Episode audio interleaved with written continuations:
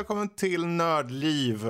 Eh, en podcast om spel och nörderi av alla de slag. Dagens datum är den 20 i 10 2018 när vi spelar in det här och det här är avsnitt nummer 184. Jag heter Fredrik och eh, med oss har vi Kalle, Hallå! Danny Jo.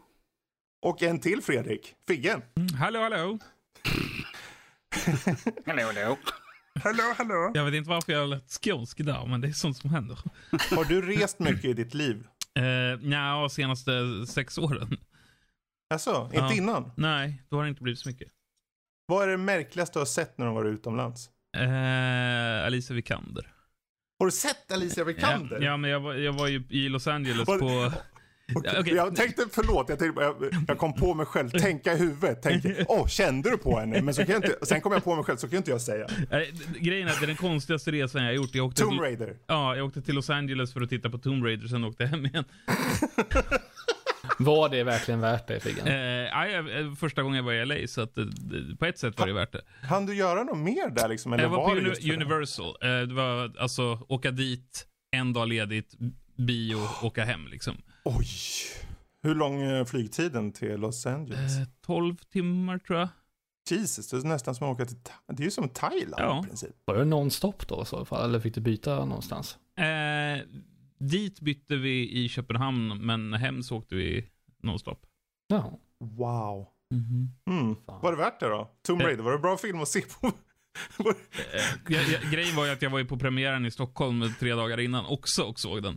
Okej, va- men då var inte Alicia där eller? Jo, det var hon också. Okej.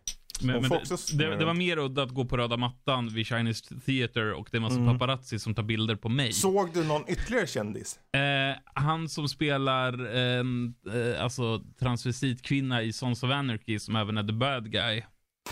Eh, sen en aspackad, eh, inte Sheldon, vad heter han eh, med glasögon? Ja, Leonard, uh, han lilla killen. Ja, aspackad på efterfesten. Det var det. Ni, I övrigt var det mest producenter och sånt. Leonard var aspackad Ja. alltså. Ja. ja, en riktig Big Bang Theory där då. Ja, ja. ja. Men eh, nog om det. Jag kan säga det, idag så har vi lite gott och blandat att snacka om. Eh, vi kommer ta upp eh, lite spel som Generation Zero, Observer, men eh, kanske lite film som Halloween och annat. Eh, och varför inte lite snack kring just eh, hur man porträtterar kanske till exempel Förintelsen eller The Purge i spel, eller saknaden av snarare. Och sen då lite veckans diskussion som den här gången är just föräldrapanik. Eller ska man säga moralpanik? Jag vet inte. Våld, sex, droger. Hur ska man navigera som förälder anser vi, oavsett om man har barn eller ej? Och ska spel regleras mer? Och frågor kring ämnet och kanske just aktualiteter som händer just nu som vi kan ta upp. Inte för att det kanske finns något särskilt som man kan prata om, men det, det märker vi. Och så lite lyssnarfrågor på det. Um, men vi gör så här, vi går in på det som är första segmentet som är veckan som hänt. Uh, och i den här veckan så har ju mycket hänt. Uh, och jag tänker vi tar, uh, börja med uh, Danny, Observer. För du har observerat både det ena och andra i det här spelet, men vad, vad, vad är det för de som inte känner till det? Observer är ett cyberpunk-spel.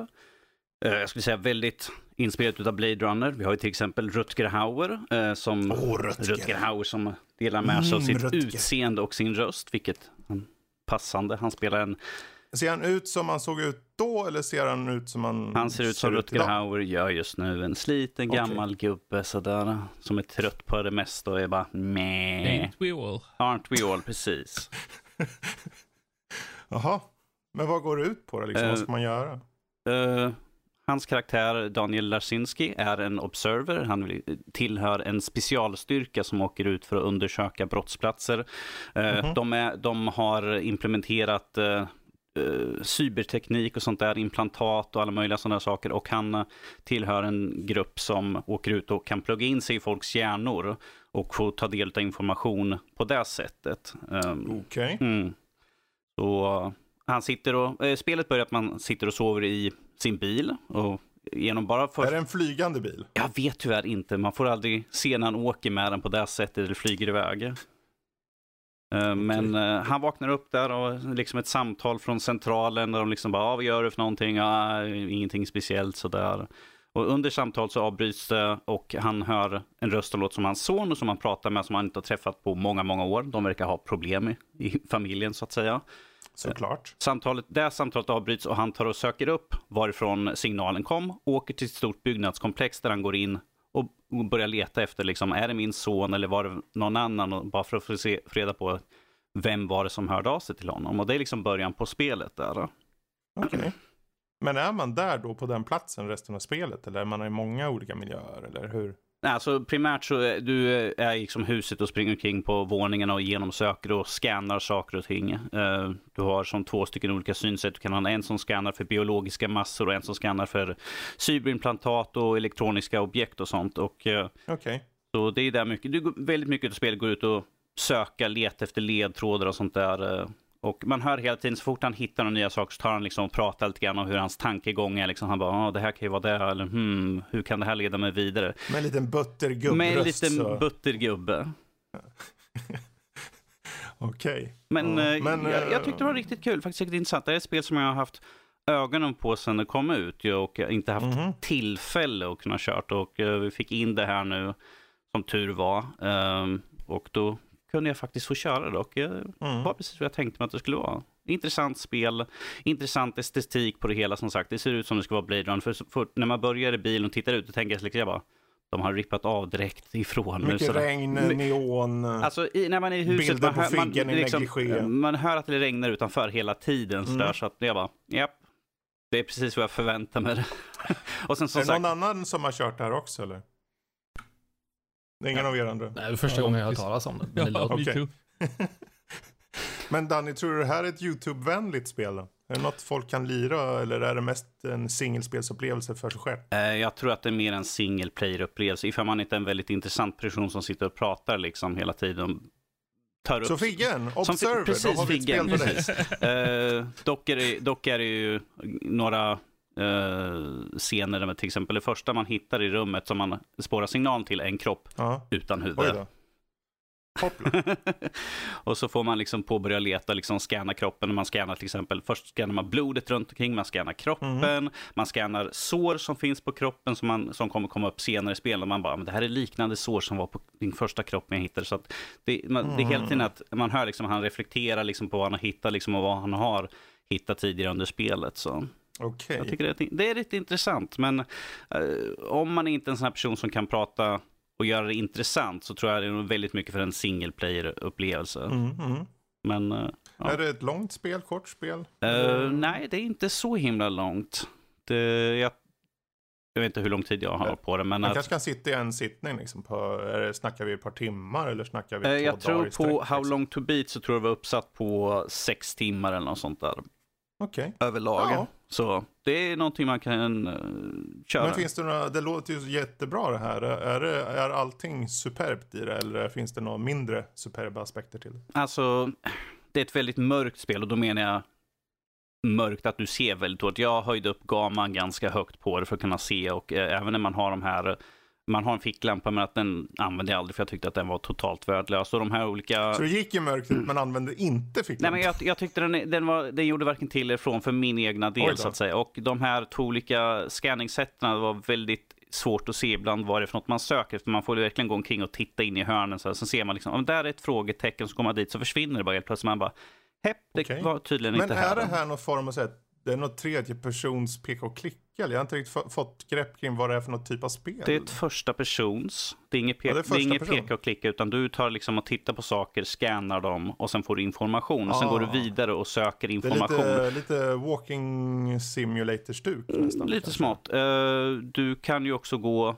mellan alla olika dörrar som finns i det här komplexet. Så kan du gå och ringa på och fråga folk. Eller ibland har du val att liksom ställa olika Mm. typer av frågor och sen får, kanske få lite bakgrundsinformation om världen. Vilket tyckte jag var mest intressant för att det har varit sån så här utbrott och det har varit krig och alla som har eh, implantat och sånt där har varit en sjukdom som har gjort att många har dött och allt sånt där och eh, huset blir nedstängt som att det, de tror att det är en eh, vad heter det, en farozon där, att det, har blivit, att det finns en smitta där eller något sånt där, så därför stänger de ner, så man är ju instängd i komplexet. Det förklarar varför man häckar runt där Mm. i spelet. Yes. Men en rekommendation helt En enkelt. rekommendation, rekommendation helt enkelt, yes. Jag, jag hade Bra, bra. riktigt kul när jag spelade i alla fall och jag tycker det var intressant. Och, eh, ja, jag, som jag brukar göra när jag har skrivit en sektion och när, jag, när den är pubbad, då brukar jag gå ut och kolla liksom, vad andra sagt och tycker. Har- är jag helt fel ute på mina åsikter? Liksom, är jag helt bonkers? Eller något sånt där. och väldigt, Så nu när du har läst facit på nätet, då vet du att alla tycker vad då? Nej, alltså, jag läste att det var väldigt många som tyckte att han var den sämsta biten i alltihopa, vilket jag tycker totalt motsatt. Jag tycker att, för alla sa att ja, Rutger Hauer gör en så dålig insats, han låter så liksom, som han inte bryr Men jag tycker att det är det som är perfekt, för att det passar in. Han är en sliten, han tar medicin hela tiden när han blir eh, upprörd eller ser för mycket skumma saker och måste ta medicin så att han lugnar ner. Annars blir det som eh, ett sånt där, läggs det ett filter, liksom, det blir här scratches och sånt där och allting börjar Okej, hacka och sånt, ja. glitcha ur helt enkelt. Men jag tycker att det passar in för att han är gammal och sliten, han är, han är liksom på väg ut mer eller mindre, att han är trött på det här jobbet och allt sånt där. Så jag tycker att det är Mm. perfekt liksom att han, hur han levererar allting känns rätt. Det, det, det är liksom, det känns som det är perfekt för den här världen helt enkelt och den karaktären Mm. han spelar. Vilka plattformar? Eh, jag tror att den finns på allihopa. Jag körde på Xbox och den finns på PC, den finns på Playstation också. Mm.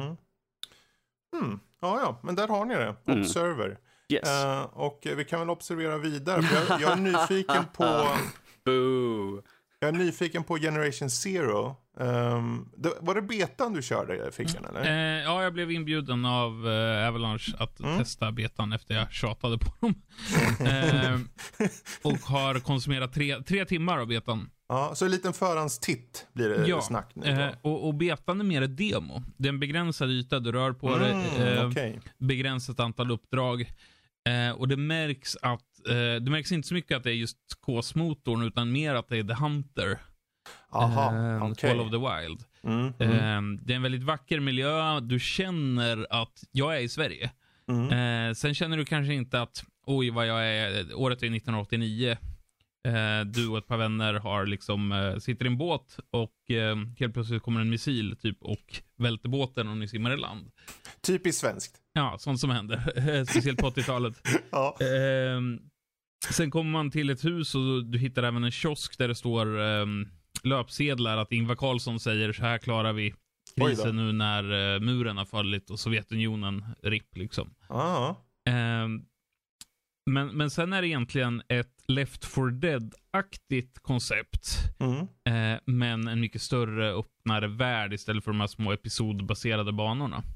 Fin- Förekommer det loot och så i det också? Eller? Eh, det är väldigt lottungt så att säga, men du känner att i alla fall i betan att det här har jag sett, det här har jag sett och det här har jag sett. Så det blir liksom ingen intressant loot på det nej, sättet. nej, nej. Okej. Eh, det är inte så att du hittar en pistol och sen så har den common och sen så hittar du en elitpistol. Utan det är liksom, Mm. du hittar en pistol, sen när du har du pistolen liksom. Ja. Eh, så lite mer Okej. åt Wolfenstein Dom-hållet när det gäller vapnen kändes Mm. det som. Ja, Eh, för jag, jag, jag har ju suttit och små tittat lite på Mm. det som går att se. Och jag, först fick jag lite så här State of Decay-vibbar. Just för att man var, det var, det var först tänkte jag, men det här kändes Left 4 Dead. mm. Men det var ju någonting mer. Det fanns lite prylar att hitta och så. Ett större område att åka runt i. Ja. Eh, s- s- det, det som jag tyckte var väldigt alltså, bra var det här att det var extremt många lugna perioder. Mm. Eh, eftersom det är en så stor värld och du går runt och knatar där och så händer ingenting. Okej. Och det var bra, för att när det väl hände någonting så hände det väldigt mycket på en gång och det Oj blev liksom en lång action och fight-sekvens. Mm.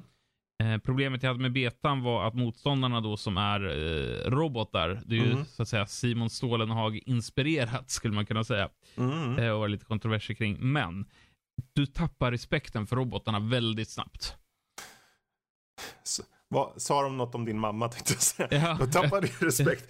Nej, förlåt. Va, nej, va, nej, nej, men all, alltså, de, de, de är där robotarna, du Mm. vet inte varför, men det är det som liksom, storyn är väldigt dynamisk så det följer ledtrådar hela Okej. tiden. Men, men de här robotarna, de är där och de är jobbiga, men de skrämmer dig inte. Nej, okej. Ehm, jag hittade en jätterobot och den skrämde mig inte heller, utan jag blev så här överdådig och sen fick jag en raket i ansiktet och dog. Men, men det är liksom så här. Det hade nästan varit intressantare med ett zombie mode i det här spelet på något Mm. sätt. Ehm, för, för att det, Du menar typ ett hård mode liknande eller? ja men alltså gre grejen är med robotar är att de är läskiga, Mm. men till slut så, så är de bara plåtburkar och så skjuter dem och sen så är det klart. Mm.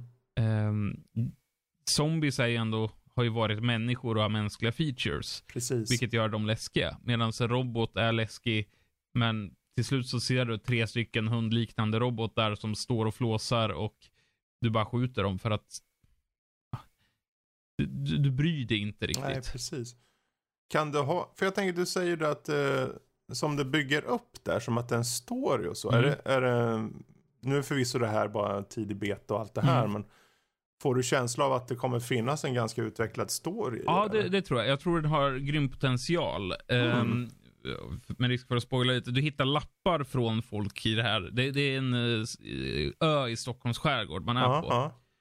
Eh, och du hittar lappar från olika personer och det är så egentligen storyn berättas. Mm. Eh, via telefonsvarare och de här lapparna liksom. Ja, okej.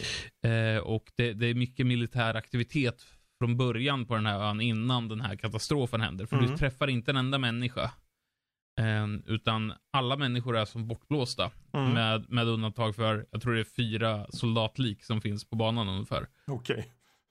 Eh, men sen när det är vapen och så, så är det ju liksom AK4, eh, vad heter den, Carl Gustav, den eh, submachine gunnen, Mhm. vad heter det, K-pist heter det. Eh, och, och det är så här, kan, kan man svensk vapenhistoria så att säga, i militären på, på 80, tidigt 90-tal så känner man igen sig. Liksom. Okej. Eh, och jag tror det är ett spel som kommer att attrahera svenskar, men jag tror det är väldigt många internationellt som kommer skita i det. Ja. Eh, för förtjusningen med spelet var också eh, det här att, åh, jag är i Sverige.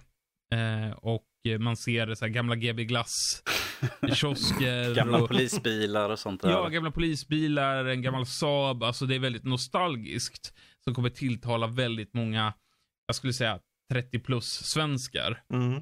Men att en amerikan som är 19 år ser det jättelockande, det tror jag inte.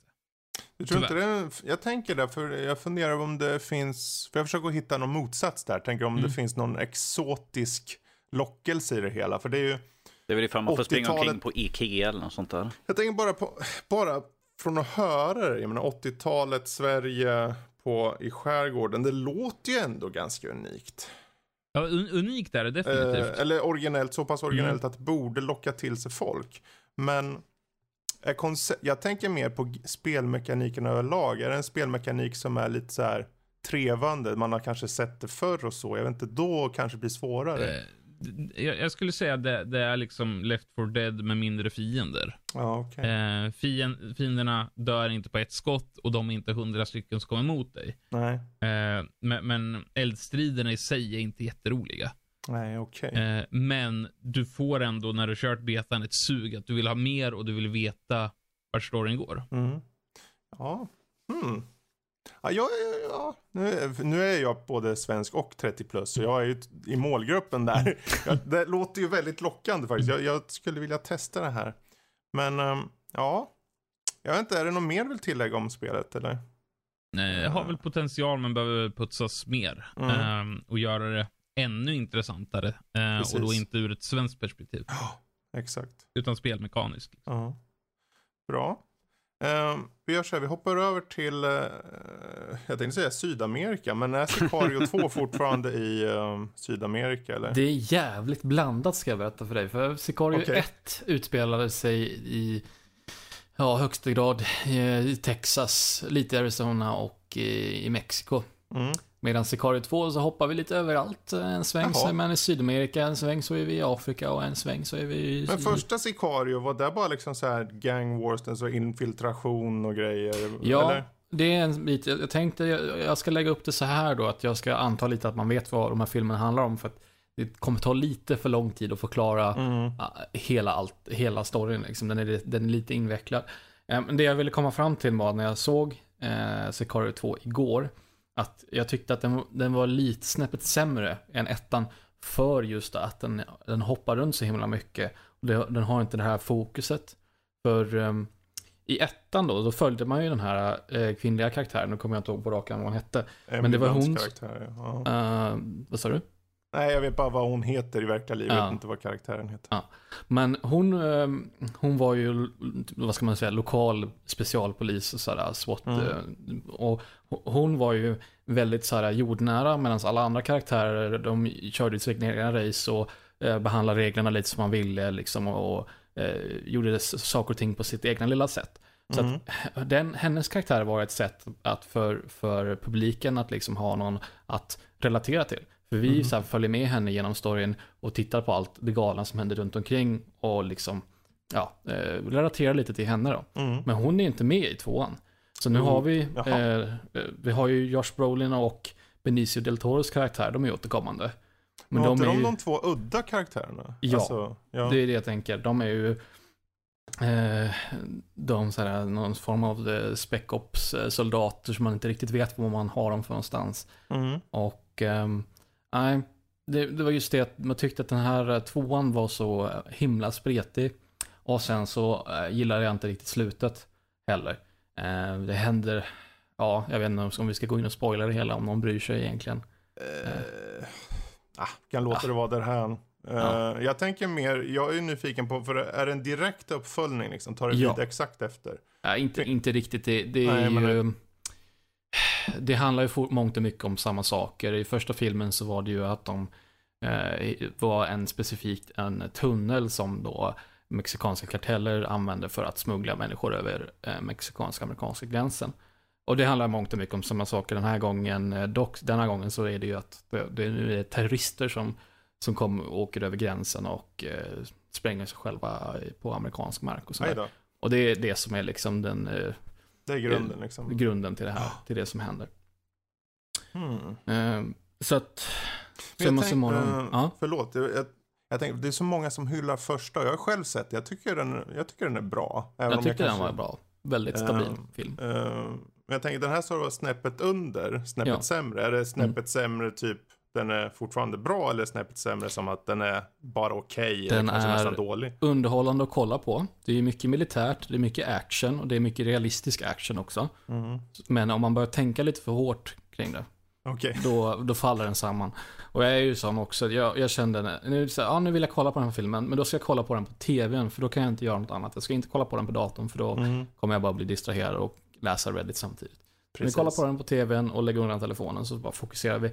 Och då liksom, det, det hängde, alltså saker och ting som händer hänger liksom inte riktigt ihop. Det finns inget bra resonemang bakom det hela liksom. Och det Okej. finns ingen bra twist heller, för i slutet av första filmen så fanns det ju en bra twist i anledning till varför de här, uh, det här gänget, de, varför de ville ha med den här tjejen i det. Och det var ju någon lagligt resonemang där bakom att an, om, de, om den tjejen inte hade varit med så hade de inte fått eh, eh, gå in och göra den här insatsen i, Mm. dit de skulle i Mexiko. Då, då var det för att liksom kringgå lagarna. Det var därför hon var med och det var liksom en stor plot point. Här finns det inte någon liknande liksom twist på något sätt. Utan Mm.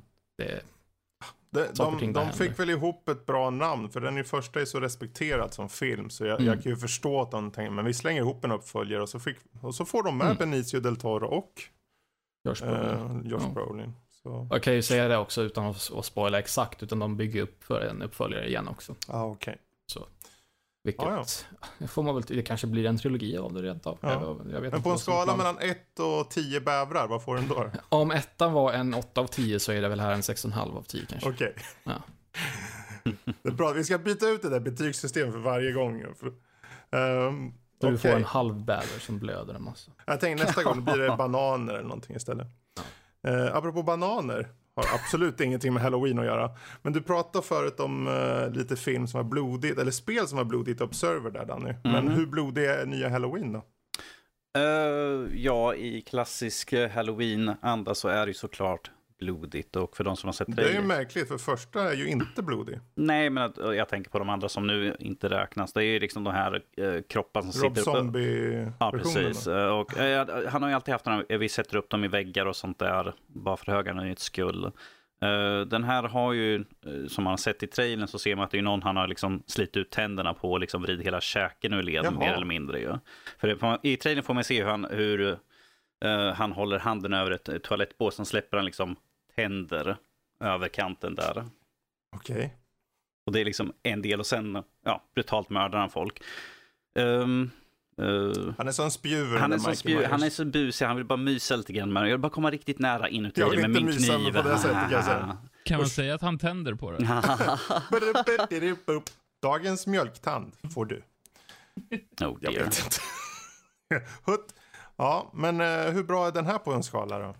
Eh, av eh, 18 uh, näsvingar så skulle jag säga att den är i alla fall Nu, nu 15 tappar i så fall. Ja. Oj då, nu tappar du bort mig. ja, jag vet att du hänger inte med i Fick svängen. den Nej, 15 av 18? ja, jag tycker faktiskt den här är riktigt bra. Oj då, då är det en av årets bästa filmer. Ja, jag tyckte om den här väldigt mycket. Den går tillbaka till originalet, den kör på samma stuk, eh, vilket jag tycker är bra. De andra Som har li- första? Som första, ja. Jag tycker, Wow. jag tycker om första. Eh, Jag Mycket tycker, tysta stunder, det, det är han reser sig han, upp, han, han smyger omkring, man, man ser skuggor liksom när han går och allt möjligt sånt där. Eh, Jag tycker att de har gjort Fast väldigt, blodigt då. ja, lite mer blod då, men jag tycker att den jag kan se att det är väldigt många som beklagar sig för att den har ju gått väldigt lång tid och folk har ju vant sig vid en annan typ av skräckfilm. Men jag tycker det är skönt att vi går tillbaka till eh, de här klassikerna och faktiskt gör en ordentlig uppföljare, vilket den här är nu. För de här retconen är nu att allt efter första filmen, det, det är ju inte canon längre, det räknas Mm. inte. Utan, Tills de retconar i Tills de nästa film. retconar igen. Och retconar till och med att hon är inte hans syster längre, vilket de tar upp Nej. i trailern också. Så det är inte en spoiler där, vilket jag tycker är lite intressant. Sådär. Jag hade nog tyckt mer om dem ifall de hade haft kvar det, för då hade det funnits ett extra motiv, liksom att varför han vill jaga efter och mörda Ja, henne. ja, vad är hans motiv? Varför kommer han tillbaka till henne om hon inte är hans syster? Då är hon bara en som bodde i hans... Just nu, just nu de, har ide, de har idéer i filmen, alltså karaktärer som har idéer varför han gör det. Min egentligen är liksom att hon är den som kom undan. Och det är liksom det han är ute efter. Det är det jag, så som jag känner i alla fall. Men Men jag att, tänker om, om hon är den som kom undan och det här är en retcon, då har han suttit inspärrad i typ 40 år. yes. Så hon, de som han mördade in, innan han inte fick tag på henne, Mm. det är de han syftar på. Sen fick han inte koll på henne. Och Yes. därför har han... Mm, det är det så Okej. jag, som jag läser in i alla fall. Ja. Eh, De har ju andra idéer i själva filmen, en del karaktärer, men att jag tyckte, jag tyckte med mig så här, jag bara, eh, mm, ja, Jag håller inte med vad ni säger i filmen. Jag tycker precis. så här. Jag tycker så här. Det är min personliga åsikt. Sådär. Mm. Nej, men jag, jag tycker det var bra. Det utspelar som sagt 40 år senare och eh, de har ju verkligen lekt runt med det att eh, att eh, de har, nu har jag, vänta, där har vi rätt fönster. Att, eh, Jamie Lee Curtis då, hennes karaktär Laurie Strodes har blivit liksom en eh, eremit mer eller mindre. Hon har gömt sig liksom, hon har tränat hela sitt, all, ända sedan det här hände så hon tränat liksom för att ta, ta koll på honom ifall han någon dag skulle ta sig ut. Och hennes familj har lidit igenom allt, så- allt det här och de tror bara att hon är tokig och sånt där. Okej. Men, men jag måste fråga, hur gammal är inte... ehm, Michael Myers. ja, Han, då? han måste vara han, han, ska vara, 60-årsåldern. han är typ 60-70 år, för den här utspelar sig 40 år eh, efteråt ju. Så, och, 40 gammal gubbe för att kunna gå runt och mörda folk. Säker på att det inte var hans löständer han kastade in i båset. kan, kan ju, hade varit kul ifall det var som typ Jokern Ted. Nej, alltså. ehm, man får ju se honom i film utan mask, alltså inte ansiktet, man får bara se ryggen precis som man ser i trailern när de håller upp masken och sånt där. Han är ju, Mm. jag vet inte vad de gör på det där jävla eh, psykhemmet där han är på liksom. Men han, jag tror de har väldigt mycket vikter och ger honom väldigt mycket supplement så att han håller sig i god form tydligen. Eh, För en del, del saker som man gör i den här filmen, man bara Nope, men att de, de, de, en sak som helt upprörd de bara He's evil himself. Eller Man bara ja, ja, han är ondskan själv, ja, ja, ja. Men ni har ju rätt att tagit bort allting med sånt där skit ju. Han är ondskan själv, Han men är han har dödat så många egentligen. Då. Han har suttit inspärrad i 40 år. Han... Mm. Han, han får några fler kills i den här filmen. En del är faktiskt li, lite så här man bara, ja ja, lite cheesy och sånt där, men att jag, jag känner liksom att det är lite grann till uh, hur de gjorde mord i de gamla filmerna. Det var överdrivet. Så- Nej men nu, häng, nu håller jag inte med. För om du säger Alltså, som i de jag- gamla jag, filmerna. Jag, nej, jag, jag sa som de gamla filmerna på den tiden, sa jag Fredrik. Alltså, de, Ja, de, det- överdrivna. det, sådär. Du tänker på slashers över, ja, överlag? ja, då. ja, ja, precis. Det känns Men det är ju som, tråkigt om det bara blir en vanlig slasher av det. För det var ju Nej, aldrig första, de, det, första det, filmen. det är ett mord som är riktigt sådär super, man bara, Slafsigt. slafsigt om vi säger så. Okej, så det precis. är bara ett mord som det är är ett slafsigt? mord som är så jätteslafsigt så jag bara, okej, ja, ja, sure, why not? Det, det var ju populärt på när, den- när den här filmen kom ut på den tiden då, att göra lite så här fjompigt. Så de har en sån grej som är med där, men resten av dem är, ja, han är cold blood, blooded killer Mm. helt enkelt. Det liksom, han går bara in och sen liksom mördar han bara folk rakt upp och ner.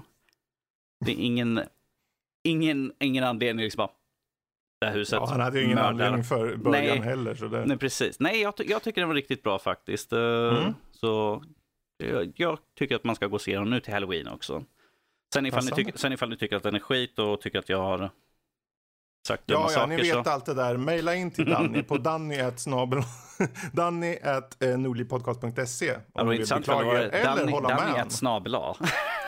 Eh, med Danny tanke på allt mord där. eh, Jag tänker på, eh, för att vara lite mer seriösa, det här med eh, Paradox och eh, just angående att porträttera eventuell förintelse mer än eh, till exempel The Great Purge. Du kan väl ta oss och leda in oss i vad det här Ja. handlar om, Kalle? Eh, Det här grundar sig i ett, ett inlägg jag såg på r Paradox Plaza, alltså subredditen för alla Paradox-spel. Specifikt om Hearts of Iron 4. Då var frågeställningen så, varför eh, porträtteras många eh, kommunistiska brott mot mänskligheten, så som då The Great Purge? Eh, eh, varför porträtteras de i spelet, men inte till exempel då förintelsen, eh, The Rape of Nanking, alltså när japanerna, Mm. när de invaderade Kina. Ja, Nanking. Fy Mm. Eh, med mera. Men Ja. eh, vi kan väl hålla oss till, till de två egentligen. Förintelsen, Precis. den finns ju inte alls i spelet egentligen. Det, det, det nämns ju inte ens. Medan eh, The Great Purge är ju en del av ens eh, focus tree. Så det går ju liksom att välja. Det går ju att, vad ska man säga, researcha sig fram, eller vad man vill kalla det då, till det. Ehm, så frågan är ganska öppen egentligen. Anser vi att det är rätt att göra som de har porträtterat det? Eh, eller är det fel? Borde man vara mer balanserad och säga, visa alla sidor egentligen eh, Hmm. till det här? Jag kan väl Mm. börja i ena änden då. eh, För det fanns lite olika resonemang egentligen. Om Mm. inte någon har något att, att hoppa in med direkt. Nej, Nej, men, eh, men- bär upp det först Ja. så får vi se. Eh, ett motargument till det här det var ju då att eh, Hearts of Iron 4, det är ju lite, går ju lite på styva linan redan i och med att du kan ju redan spela som, som Hitler. Ja, du kan ju redan spela som Nazityskland. Mm. Och att spä på det ännu mer och säga att du kan sätta igång förintelsen också. Det skulle ju förmodligen starta en ganska stor kontrovers kring det här spelet. Det skulle ge ganska negativ PR om inte annat, Mm. tänker jag.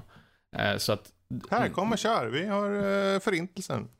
så att jag tror att det här uh, Hearts of Iron 4 finns ju en risk att det redan uppskattas av uh, sådana neonazister och sådana saker Mm. redan som det är. I och med att du kan spela som Nazityskland och ta över hela världen om du skulle anstränga dig så pass.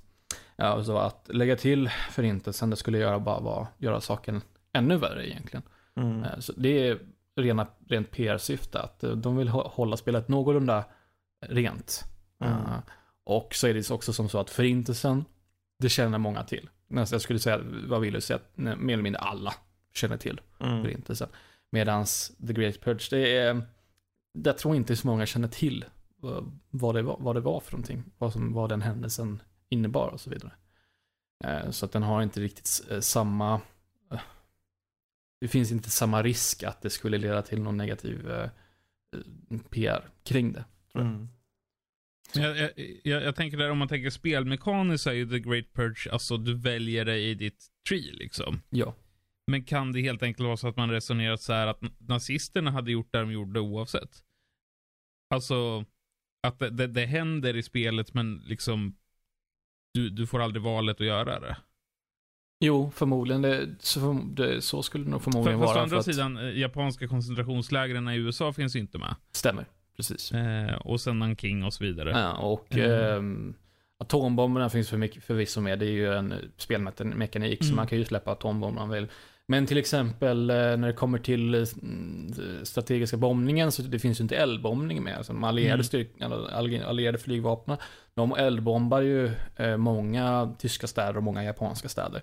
Mm. Och där många civila strök med. Det, det går ju inte ens att välja att du ska eldbomba någonting. Du kan, du kan bara ha vanlig... Men det kan inte vara en fråga om bara vad, vad de har haft resurser till att faktiskt skapa i spelet då?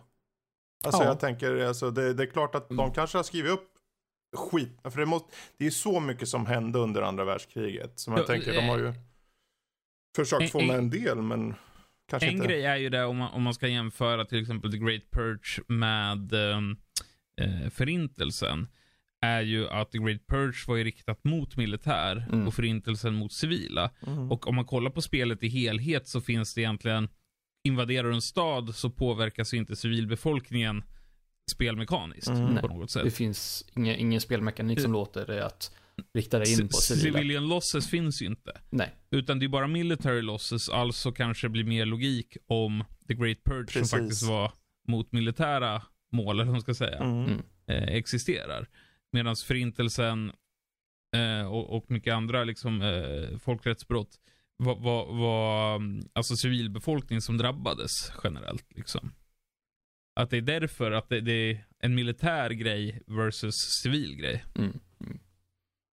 Ja, jag, jag, jag köper lite Fredriks resonemang där att eh, Hearts of Vilken av Iron 4... oss? Ja, annars hade jag väl sagt Figgen. förstås. Jag vet, jag bara jävlas med det. Ja. Jag, jag köper lite ditt resonemang att de, Hearts of Iron 4 som det är, är ju redan ett rätt komplicerat spel. Som det är.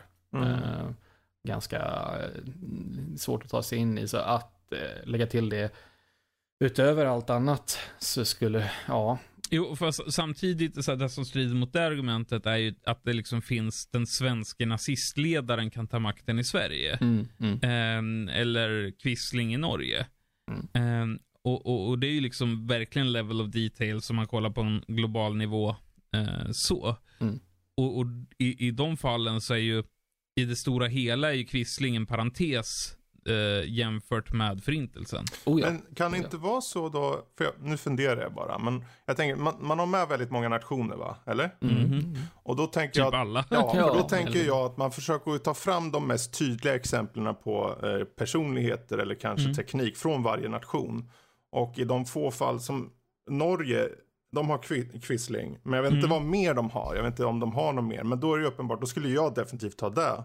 Men jag tänker som vi pratade om, då hade de här, vad var det för något du sa, några eldbomber någonting. Ja, eldbombning. För varje alla nation som var med i striderna kanske alla hade utvecklat massor med olika, men de olika sätt, vapen, eh, kanske hade massor med olika personligheter.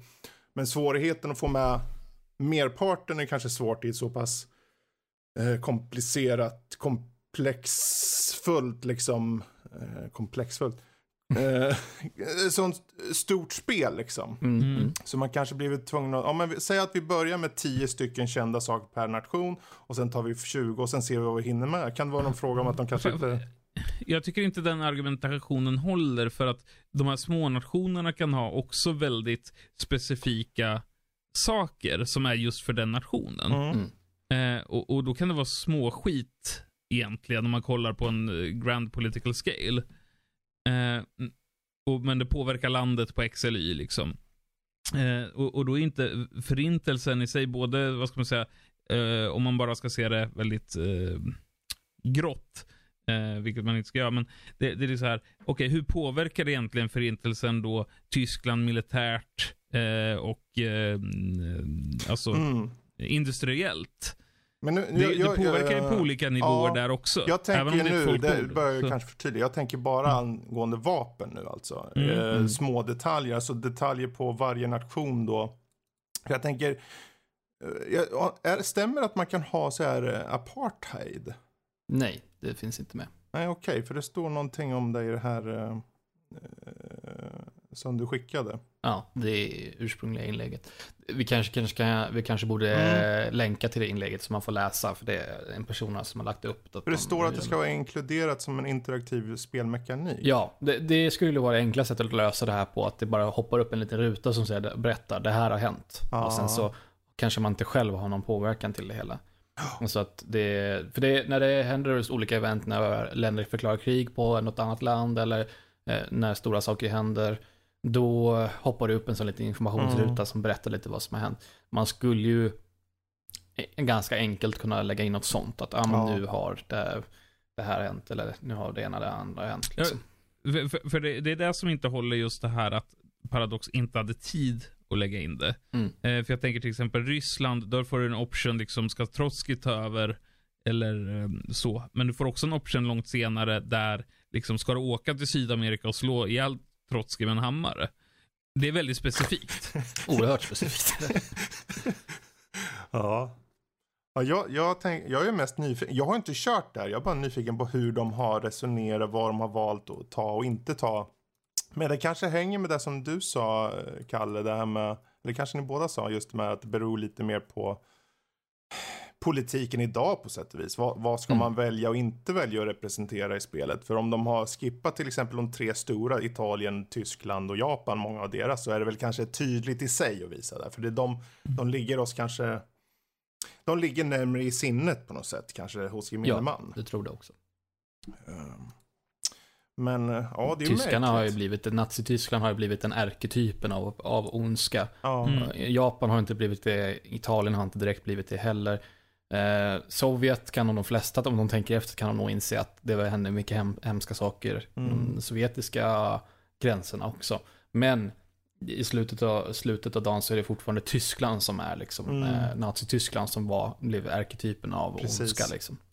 Eh, så att eh, det, det blir mer fokus på, på dem just. I alla Mm. fall för, från media utifrån, ja, som tittar in på det här. The så. Winners Write History. Ja. History Grejen. is written by the victors. Mm. Och så vidare. Ja, det där är ju en, jag tycker det är en jätteintressant diskussion som de har tagit upp Mm. där för vad som ska visas, inte ska visas. Eh, vad egentligen bör visas är väl frågan liksom. Ja. Eh, För att runda av det här och säga vad jag faktiskt tycker så anser jag att det här, det, det, det finns en poäng i det Mm. de säger att, att det inte skildras, att förintelsen inte skildras så att säga. Eh, Det gör det absolut. Eh, Och eh, man bör tänka till kring det, huruvida det har plats i det spelet eller inte. mm. Men i slutändan, of Iron 4, det är ett eh, militärt grand strategy-spel. Fokus ligger på att bygga upp arméer. Så Mm. det finns ju ingen ekonomi, alltså det finns ju inget direkt ekonomisystem. Du, det enda du har hand om i ett land är ju egentligen produktionen av, produktionen av militärt material och tränade trupper och liksom flytta runt om. Det är inte som att du har så eh, direkt exakt kontroll över ditt land, utan du, du har ju egentligen bara hand om det militära. Och det som eh, rör det väldigt Mm. nära. Så att, Fa- Fast det finns ju ändå ganska många stora civila aspekter. Eh, hur, hur val ska påverkas. Har Mm. du stöd från folket att gå in i krig till exempel? mm, mm. Så det finns ju en civil eh, variabel. Ja, absolut. Men det, det som jag Även tänkte om mest är om man jämför med något annat liknande, så tar man till Civilization till, Mm. Civilization till exempel. Det är mycket, mycket bredare. Där kan du ju vinna på massa olika sätt. Eh, det är inte bara militärt som gäller, utan i Hearts of Iron så är det så oerhört stort fokus på det militära. Eh, att det, det som står i fokus är just hur du flyttar runt dina trupper, Mm. hur du planerar dina strategier, hur du bygger upp materiell och sådana saker. Uh, se till att du har till och med resurser till att bygga upp det här. Eh, om man jämför med andra sådana här spel, då, då har du inte samma, riktigt samma kontroll över att styra landet eh, när det kommer till den civila delen. Du kan bygga civila eller militära fabriker, du kan styra export och import. Det är väl typ det. Du Du kan, kan- styra propagandaflöden och liknande Ja, också. Så, så på ett sätt är det mer avancerat än Civilization. Mm. Eh, men på ett annat sätt så, så påverkar det civila livet mycket mer i Civilization. Ja. Så, tack, det var ett bättre sätt att säga det. Jag, tänkte, det, jag har försökt komma fram till det att det, det är eh, ja, det är väldigt lite fokus på det civila, om man säger så. Mm. Eh, Intressant diskussion. Vi tar och länkar den i, i inlägget med Mm. avsnittet så kan ni själva hoppa in Och jag är villig att diskutera vidare med andra om någon är intresserad Mm. också. Så det är bara att mejla in eller så, så kan, jag, mm, så kan vi diskutera saker och ting. Precis. Jag tycker det var en jättebra poäng som någon tog upp där. Mm. Det var värt att ta upp här i podden också. Mm. Bra. Men Intressant ämne. eh, där sa du ordet diskussion. För vi Mm. rundar av veckan som hänt där och går över till veckans diskussion. Föräldrapanik, moralpanik, våld, sex och droger. Hur ska man navigera som förälder anser vi? Oavsett om man har barn eller inte. Eh, och ska spel regleras mer? Det är mycket som har hänt nu på sistone. Det var det särskilt en diskussion på, eh, var det TV4 eller vad, när var det som eh, det här var med hon Katrin? Eh, Aftonbladet. Det var Aftonbladet var det. Yes. Okej, och den där var angående Fortnite och hennes hashtag fuck Fortnite. sen vi- Jag vill göra en invändning där. Att Okej. du, du sa så här, eh, gäller föräldrar oavsett om man har barn eller inte. ja, det Eh, blir lite kri- svårt om man... Kriteriet för att vara förälder är att man har barn. Hur ska man navigera som person anser vi, oavsett om man har barn eller ej. Annars får bara du prata Fredrik. Så. Ja. Eh, man kanske, eller man kan ju vara förälder fast barnet har gått bort. Oj, vad Jo, mörkt jo, det jo. blev. Oj jävlar. Fast är du fortfarande förälder då? Det är klart det en är. moralisk Det är klart fråga. I nästa vecka. På pappret, svar ja. Okej. Ehm, men vilket, det som hänt i alla fall i veckan där, det, det skapade ju mycket snack. Du själv gick ju ut på Instagram och skrev Mm. av det lite kring det. Vad, vad har hänt och vad, vad skrev du? Eh, snabb recap är egentligen så här att det finns en eh, influencer, kan vi kalla individen, eh, Katrin Zytomierska, som gick full Sivert Öholm och ehm, Full eh, Sivert. eh, You never go full Sivert. eh, Kör ju du. och, och eh, klagade på Fortnite och hur våldsamt det var och skadligt och sen då avsluta med länk till sitt nya varumärke. Ehm, egentligen så här handlar det om att hon vill skapa marknadsföring Mm. för sitt nya varumärke och använder någonting som kan vara kontroversiellt till att få boost på det. Eh, och många vi gamers är ju lite dumma i huvudet, eh, mig själv inkluderat, där vi nappar på detta Ja, vi sitter ju och pratar om det nu. Exakt, vi nappar på detta trollbait och ger människan ännu mer uppmärksamhet.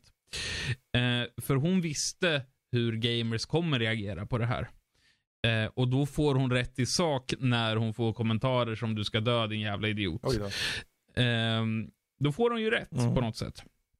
Eh, men jag skrev ett långt inlägg på Instagram eh, där jag berättade egentligen min spelhistoria och hur jag 92 började väl med, med Doom, 91 till och med med Wolfenstein och jag är född 84. Ni får räkna matte själva. Ehm, och hur det har påverkat mig i mitt liv, både som barn, ungdom, vuxen eh, och alla de positiva aspekter våldsamma spel har haft för mig. Mm. Eh, jag, jag var ju när jag var yngre en ung arg man. Ja, när jag var ännu yngre så var jag inte ens man, utan jag var bara ung och arg. Eh, men jag hade de våldsamma spelen där jag kunde ta ut min frustration. Mm. Eh, istället för att ta ut det på fysiska människor så, så, så körde jag runt i GTA eller spela Postal eller vad det nu kan vara. Eh, och jag skulle säga så här att med, med eh, ett par undantag att jag aldrig varit våldsam. Mm. Eh, alltså, jag har slagits med min bror. Jag har hamnat på, i konflikter på krogen. Men det är mer undantag än regler. Jag har aldrig sökt konflikter. Jag har aldrig sökt våldsamheten Mm. för att jag har haft spelen där jag kan få utlopp för det här. Alla är vi arga någon gång. Mhm. Eh, vi, vi, vissa blir fotbollshuliganer, vi- vissa spelar golf och andra spelar dataspel. Eh, jag vet inte om jag ska jämställa de tre. men, men, men, på något sätt så behöver varje individ en ventil som man skruvar på och sen så går jag bananas i, i GTA och bara skjuter. Men det är ju också så att jag vet att det är pixlar och polygoner jag skjuter. Mm. Eh, Katrin Zytomierskas argumentation är ju du dödar människor, du säger att du dödar någon annan. Och skriker åh vad roligt jag dödade eh, Bosse på andra sidan kartan med min sniper. Hon ser ju inte att det är pixlar, det är hon som är sjuk egentligen. eh, I och med att hon inte förstår, eller sjuk är väl att ta i, men, men hon förstår inte att de flesta som spelar inser ju, alltså 99,9% inser att den jag dödade, det är egentligen en metafor för att jag eliminerade en annan spelare. Alltså, jag måste bara fråga, tror hon att Wreck-It Ralph är på riktigt? Att det är riktiga levande personer inuti spelen eller något sånt där? det, det är oklart. Ja, okej. Det är oklart vad den här människan faktiskt har upplevt i form av, av film och, och dataspel. Ehm, då hon har följare som säger så här, "Ja, jag förstår inte hur man kan köpa Fortnite till sina barn. Köpa? Well, it's, it's free to play. Det visar ju liksom på något sätt hur mycket research de här äh, medgångssupportrarna gör Mm. när de uttalar sig. Och det är liksom så här, ja, jag ska gå ihop med min klassgrupp. Eh, jag är klassförälder där och där. Och vi ska förbjuda Fortnite för hela klassen. Jaha, Lycka till, jag, säger jag, jag tackar ju för det, för att då kommer ungarna kolla på det på YouTube och kolla på mig istället. Skitbra. Men eh, ur en ren, eh, alltså hur jag ser dataspelsynpunkt, så tycker jag inte är bra. Mm. Ekonomiskt är det bra för mig, men inte liksom... Eh, Alltså problemet för den här typen av föräldrapanik eller moralpanik eller vad man nu ska kalla det är ju att de två lägren som finns i princip. Antingen så kör Mm. du spel eller så är uppenbarligen ovetande kring spel och inte kör Mm. dem. Det blir lite så här ekokammare. Eh, där ena läget pratar för sig själva och andra säger vi sitter ju, de som lyssnar på oss nu, ni, ni jag vill inte anta, men jag skulle tippa på att många känner som vi. För att ni som lyssnar är ju många, precis som oss som spelar spel. Mer så. eller mindre insatta. Ja. Eh, och det, jag tänkte, för just angående det här, de satt ändå på Aftonbladet där och pratade. Och då var det i alla fall, då, fann, då kom det ut. Och Aftonbladet i sig är ju ett ganska öppet, liksom för gemene man på det här sättet. Mm. Ehm, så man hoppas någonstans att det ändå leder till att folk på något sätt börjar prata om det. Ja. Ehm, för även om hon, hon kommer ju ha folk som håller med henne oavsett. Och, Eh, ja. Men om åtminstone en av de tio pers, en av tio typ, hmm, jag ska nog kolla vad min dotter eller son faktiskt gör och hur det här ja, är. det, det, Då leder det ju någonstans verkligen. jag träffar ju väldigt mycket föräldrar när jag är ute på, på mässor och Mm. liknande. Ehm, och, och, och de har frågor gällande så här, ja men min unge tog mitt kreditkort och köpte Fortnite. Eh, jag tänker ju så här spontant, varför gav du din Ja, unge ja. kreditkortet till att börja med? Eh, men det visar ju mer att föräldrarna inte har koll. Precis. Och jag säger alltid, ta en kvart i veckan. Kolla spel tillsammans med ditt barn. Mm. Eh, mitt favoritexempel när det gäller våldsamma spel, det är GTA. Jag älskar GTA. GTA 5 Mhm, till exempel, som innehåller hemska scener och hemska val du kan göra. För det är ju val just som Mm. man gör. Och jag har hamnat i clinch med föräldrar som säger så här, jag skulle aldrig låta min åttaåring spela GTA. Nej, det, det, det kan jag förstå. Att eh, GTA single player är en vuxen, eh, eh, vuxen, eh, vad heter det? En vuxen upplevelse liksom. Upplevelse, Mm. tack. Eh, men det finns en blogg som jag läste för länge sedan där det är en pappa som spelar med sin femåring. Eh, och de sätter upp reglerna för spelet själva. Och det, det finns de möjligheterna. Och det var så här, vi kör inga uppdrag. Kör vi bil så kör vi lagligt. Du ska stanna vid rött ljus Mm. och krockar vi så går vi ut och ber om ursäkt även om man blir ihjälslagen. Liksom. Eh, för vi är de goda. Mm. Det var liksom premisserna. Eh, Den här pappan hade ju dock problem när han skulle förklara vad skon på, på kartan var. För att eh, barnet då ville åka och köpa skor. Mm. Och försöka förklara då vad en strippa innebär till en femåring. Eh, Jo, flickan vill bara, hon, det är lite varmt i lokalen så hon behöver ta av sig och sen finns det gubbar som betalar för det. Mm. Eh, nej men, eh, de- den är jättefin. Eh, försök googla reda på den och länka den här någonstans säger jag. Mm. Jättefin eh, upplevelse om just en förälder med ett barn och då det som klassas som ett av världens värsta spel. Mm. Du kan slå ihjäl horor. Fast det är ett val du gör. Eh, och så kallar du inte dem horor, de är prostituerade. Mm. Mm. För, för att de här moralpanikerna använder just det ordvalet. Jag säger, ja men de är prostituerade Mm. liksom. Ehm, det, det, det är liksom, ja men det är full Sivert Öholm på de här människorna.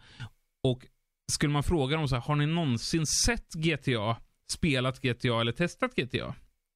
Så får man svar, nej. Eh, jag hamnade i, eh, i clinch med en, eh, en fru till en gammal chef jag hade. Eh, för han frågade, tycker du GTA är ett bra spel för en 8-10-åring? Liksom. Jag bara, ja, jättebra spel. Jaha, alltså jag vet inte om vi ska tillåta det. Nej, men det beror på hur du tillåter det. Kollar man på YouTube, de flesta som spelar GTA idag, de kör det som ett bilspel. Det, det är liksom som vilket bilspel som helst. Mm. Eh, det är väldigt få YouTubers då. För, för att det, det är många som skriver också så här på, på YouTube att kan du sluta spela GTA för jag får inte se på det. Ja, fast har dina föräldrar kollat på ett klipp med mig när jag spelar GTA? 99% är vi kör bil och vi skriker på varandra för att vi racear. Ja, det är svordomar, det är trattar hit och det är slaskar dit och gud E- vad. e- Exakt, vi är så jävla barnvänliga så att jävlar helvetes vad vi är barnvänliga. Ju, ju, just i det materialet. Eh, det, det är jävlar och fan. Men, men så fort det kommer ett könsord, så vi censurerar varandra så jävla duktigt. Eh, för vi vet om att det är yngre som tittar. Eh, jag känner då, bara för avslutningsvis att säga, jag har aldrig tagit skada av ett våldsamt spel. Jag har fått vänner, jag har fått upplevelser Och jag har utvecklat mitt engelska språk på grund av just våldsamma spel. Mm. Eh, men om vi tar just den här frågan då. Hur, hur, hur känner ni att man ska navigera som förälder då? Eh, vad säger ni andra då? Ja, du som icke-förälder, vad jag vet om, så måste jag ju säga det att eh, jag håller ju med dig. Ta en kvart. Eller i alla fall sitt ner med ens barn, liksom kolla vad är det för någonting de spelar. Och speciellt det som, som förälder så är det du som är med och köper in spelen. Och vi har ju Mhm. de här åldersbemärkningar av en anledning kanske, för att det kanske finns vissa saker som yngre inte ska utsättas för. Eh, väldigt många, som till exempel GTA är väl 18-årsgräns i alla fall. Mm. Och 16 i Sverige. 16 i Sverige, okej. Mm, okej. Rekommenderat. Rekommenderat. Mm. Och då ska man ju som förälder i alla fall titta. Vad är det för någonting jag köper in till mitt spel? För jag, jag, har, jag brukar prata väldigt mycket med de som jobbar på GameStop. Jag känner en del av dem. Och väldigt många av dem säger att föräldrar kommer in med sina barn. Barnet tar bara liksom första bästa spel och sen säger de det här vill jag ha. Föräldern tittar inte ens på det som går att lämna fram. Då är det till exempel GTA 5, vilket är 16 år. Ungen ser ut att vara typ 8 eller något sånt där. Och de brukar de liksom Vet du vad det här är för spel? Och föräldern bara, nej men de vill ha det. Så, eh, det är mer då en fråga om liksom för eget ansvar som förälder Mm. ju. Vilket är nog tyvärr det mest uttjatade man får säga till folk. Liksom, ta ditt ansvar för ditt barn och vad Mm. de spelar och tittar på för någonting. Eh, som sagt, ifall jag hade ett barn, jag har ju spelat Precis som säkert alla vi, alla vi andra har spelat våldsspel och tittat på skräck och våldsfilmer sen jag var fem eller något sånt där kanske. Mm. Så för mig är det liksom, det är vardagsmat egentligen, men att jag är ju inte våldsam. Visst, jag var i slagsmål, men har absolut inte haft någonting med, någonting med spel och sånt att göra. Fylla vanligtvis. Eh, och det är ju liksom ett eget val jag gjorde då med kompisar. Men ingenting Mm. som har liksom kommit liksom, åh jag såg det här i en film eller att, åh jag gjorde det här i ett spel, jag måste testa det i verkliga livet. Nej, för jag vet att det inte är på riktigt. Ifall jag tittar på, på en eh, asiatisk kampsportsfilm tänker jag att liksom, ja men jag kan hoppa upp, snurra fyra meter upp i luften och sen tar jag landa liksom en backflip kick i huvudet på honom. Han reser sig upp efteråt oskadad. Nope. Men du, du, kan, du kan alltid försöka. Jag kan För att Du ska, försöka. upp, du ska upp och göra den där kicken till att börja med. Kan försöka, sen ser jag väldigt fån ut när jag ligger på marken och har väldigt ont sådär, men att det är en helt annan femma. Men, men, men, men någonting som jag har reflekterat över just när jag varit ute, och det liksom har varit från, från eh, norr till söder Mm. och talat med föräldrar. Det, det säger, då säger jag så här, fast det är du som är förälder, det är du som sätter gränser. Mm. Och som svar får jag alltid så här, ja fast det är lätt för dig att säga som inte har barn. Ja, men det är ju den Men sämsta våga ursäkten. vara en jävla förälder. Ja, precis. Det är du som har ansvar för ditt barn och det är du som ska forma barnet. Om vi säger så här, i slutändan, för vad barnen än gör i framtiden så är det föräldern som har det slutgiltiga ansvaret, vilket som Ja. ja. Fram tills de är Fram 18, tills fram tills de är dagen- 18 år, exakt. då är det de som ansvarar för vad barnen gör. Ifall de Ja. snor mm, eh, korten och köper in spel som de inte är tillåtna eller, och, och så, eller gör något dumt för någonting de kanske har sett eller tittat på som föräldrarna inte har pratat med dem, då är det förälderns ansvar. Mm. Plus om jag får flika in Mm. också. Yes. Här. Eh, Om, om man svarar sådär, det är så lätt för dig att säga som inte förälder, då vi påvisar det ännu mer hur, hur oinsatt och okunnig man är. För de- moderna datorer och moderna konsoler har så mycket eh, hjälpmedel inbyggda Mm. för att begränsa eh, Mm. både speltid och innehåll. Precis. Så att det, det finns ingen urs- ursäkt egentligen. Nej, det är, alltså, jag är inte förälder, men ofta handlar det om ignorans och lathet. Mm. Du har föräldrar som liksom följer med på fotbollsträningen och har koll på vilka tränaren tar ut och fan min son ska inte sitta på bänken den här gången, bla bla bla bla. Men så fort det handlar till digitala medier så blir föräldrar en jävla soffpotatisar. Och det är bara så här, ja fast jag har ingen koll. Ja men skaffa dig koll då! Har du, har du lyckats hålla koll på varenda lag i Allsvenskan i 20 år? Då kan du väl hålla koll på ditt unges spelande? Och det tar dig en kvart? Sluta vara dum i huvudet. Mm. Ja, men det... Det är, det är på riktigt, alltså det säger jag inte face to face till de föräldrarna jag snackar med för jag är lite diplomatisk. Men jag hoppas ni som hör det har, har barn och känner så här att ja men det är inte så lätt alla gånger att stå emot det här och det är liksom grupptryck och du måste ha levisins, det kanske inte hinner längre, vad vet jag. Men våga vara förälder, våga vara vuxen. Jag tror, eh, om man ska utgå från mig själv då. Som eh, den enda föräldern här omkring. Ja, Mhm. eh, ni, är in, ni är inne på exakt så som det bör vara. Mm. Tycker jag. Eh, och i mitt fall, jag menar, så, så som jag egentligen gör, att jag sätter mig... Jag, jag pratar ju med ungarna om vad de spelar, vad de tycker är roligt. Men inte så mycket att jag... Jag bryr mig inte så mycket om spelen i sig. Det kan vara Mm. vad som helst. där jag frågar dem är, vet du vad det här spelet är? Vet du vad ett spel är? Mm. De vet att spel är spel. Och sen pratar man bara om det. Det spelar egentligen ingen roll om de kör själva GTA 5. Så länge de vet att spel är spel. I alla spel är det en story och storyn kan ta dig till olika platser och, Mm. och visa upp olika upplevelser och delar av en verklighet som du kanske inte känner till. Och där ger det någonting som du, som i GTA 5, det är en sån unik upplevelse till, till storyn. Så att jag skulle nästan säga att det vore bra om de upplevde den. De behöver se vad som finns där ute eller kan möjligtvis finnas där ute. Och sen snackar man om det. Det är egentligen allt. Jo, jo, fast där måste jag ändå motsätta mig. För att med den argumentationen kan man säga så här att det kanske är nyttigt för barnet att se en halshuggningsvideo på YouTube ändå.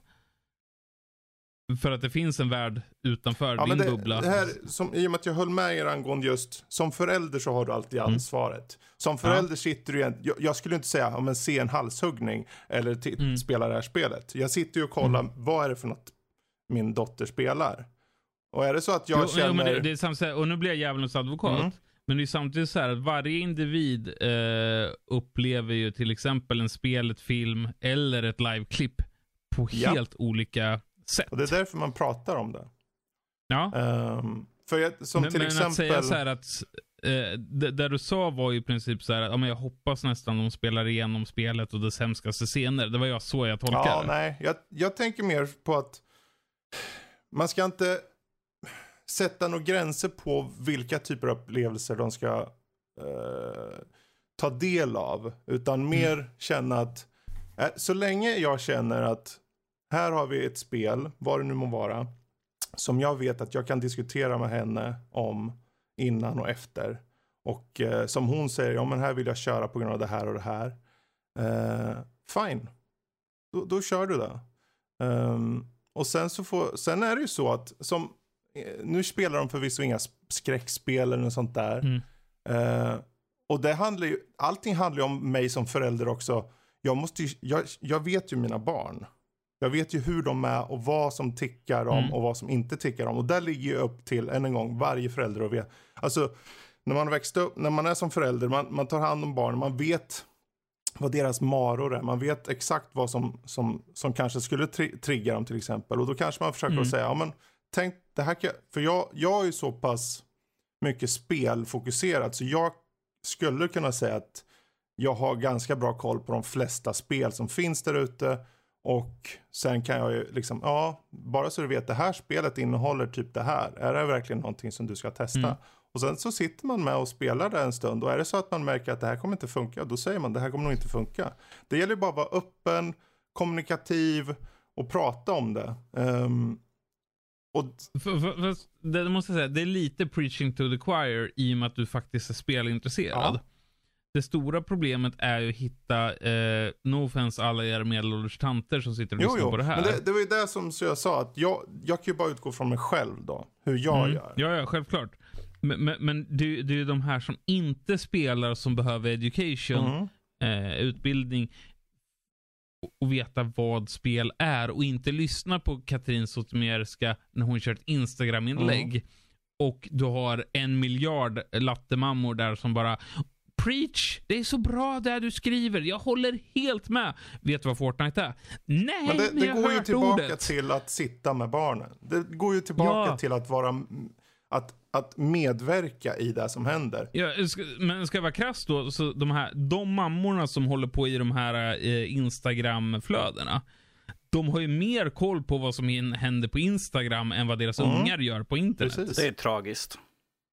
Ja, och det, det är ju såklart att det här är ju egentligen nyckeln till framgång för dem att själva ta del. För självklart är det ju så att de flesta som, och det har vi ju redan varit inne på, de flesta som eh, tar ton och pratar om det här, som de här lattemammorna som du säger, Mm. det är ju sådana som inte ens skulle röra med en tång. Grym generalisering Ja, för det är de övrigt. som skulle inte med en 10 meters tång röra vid ett spel.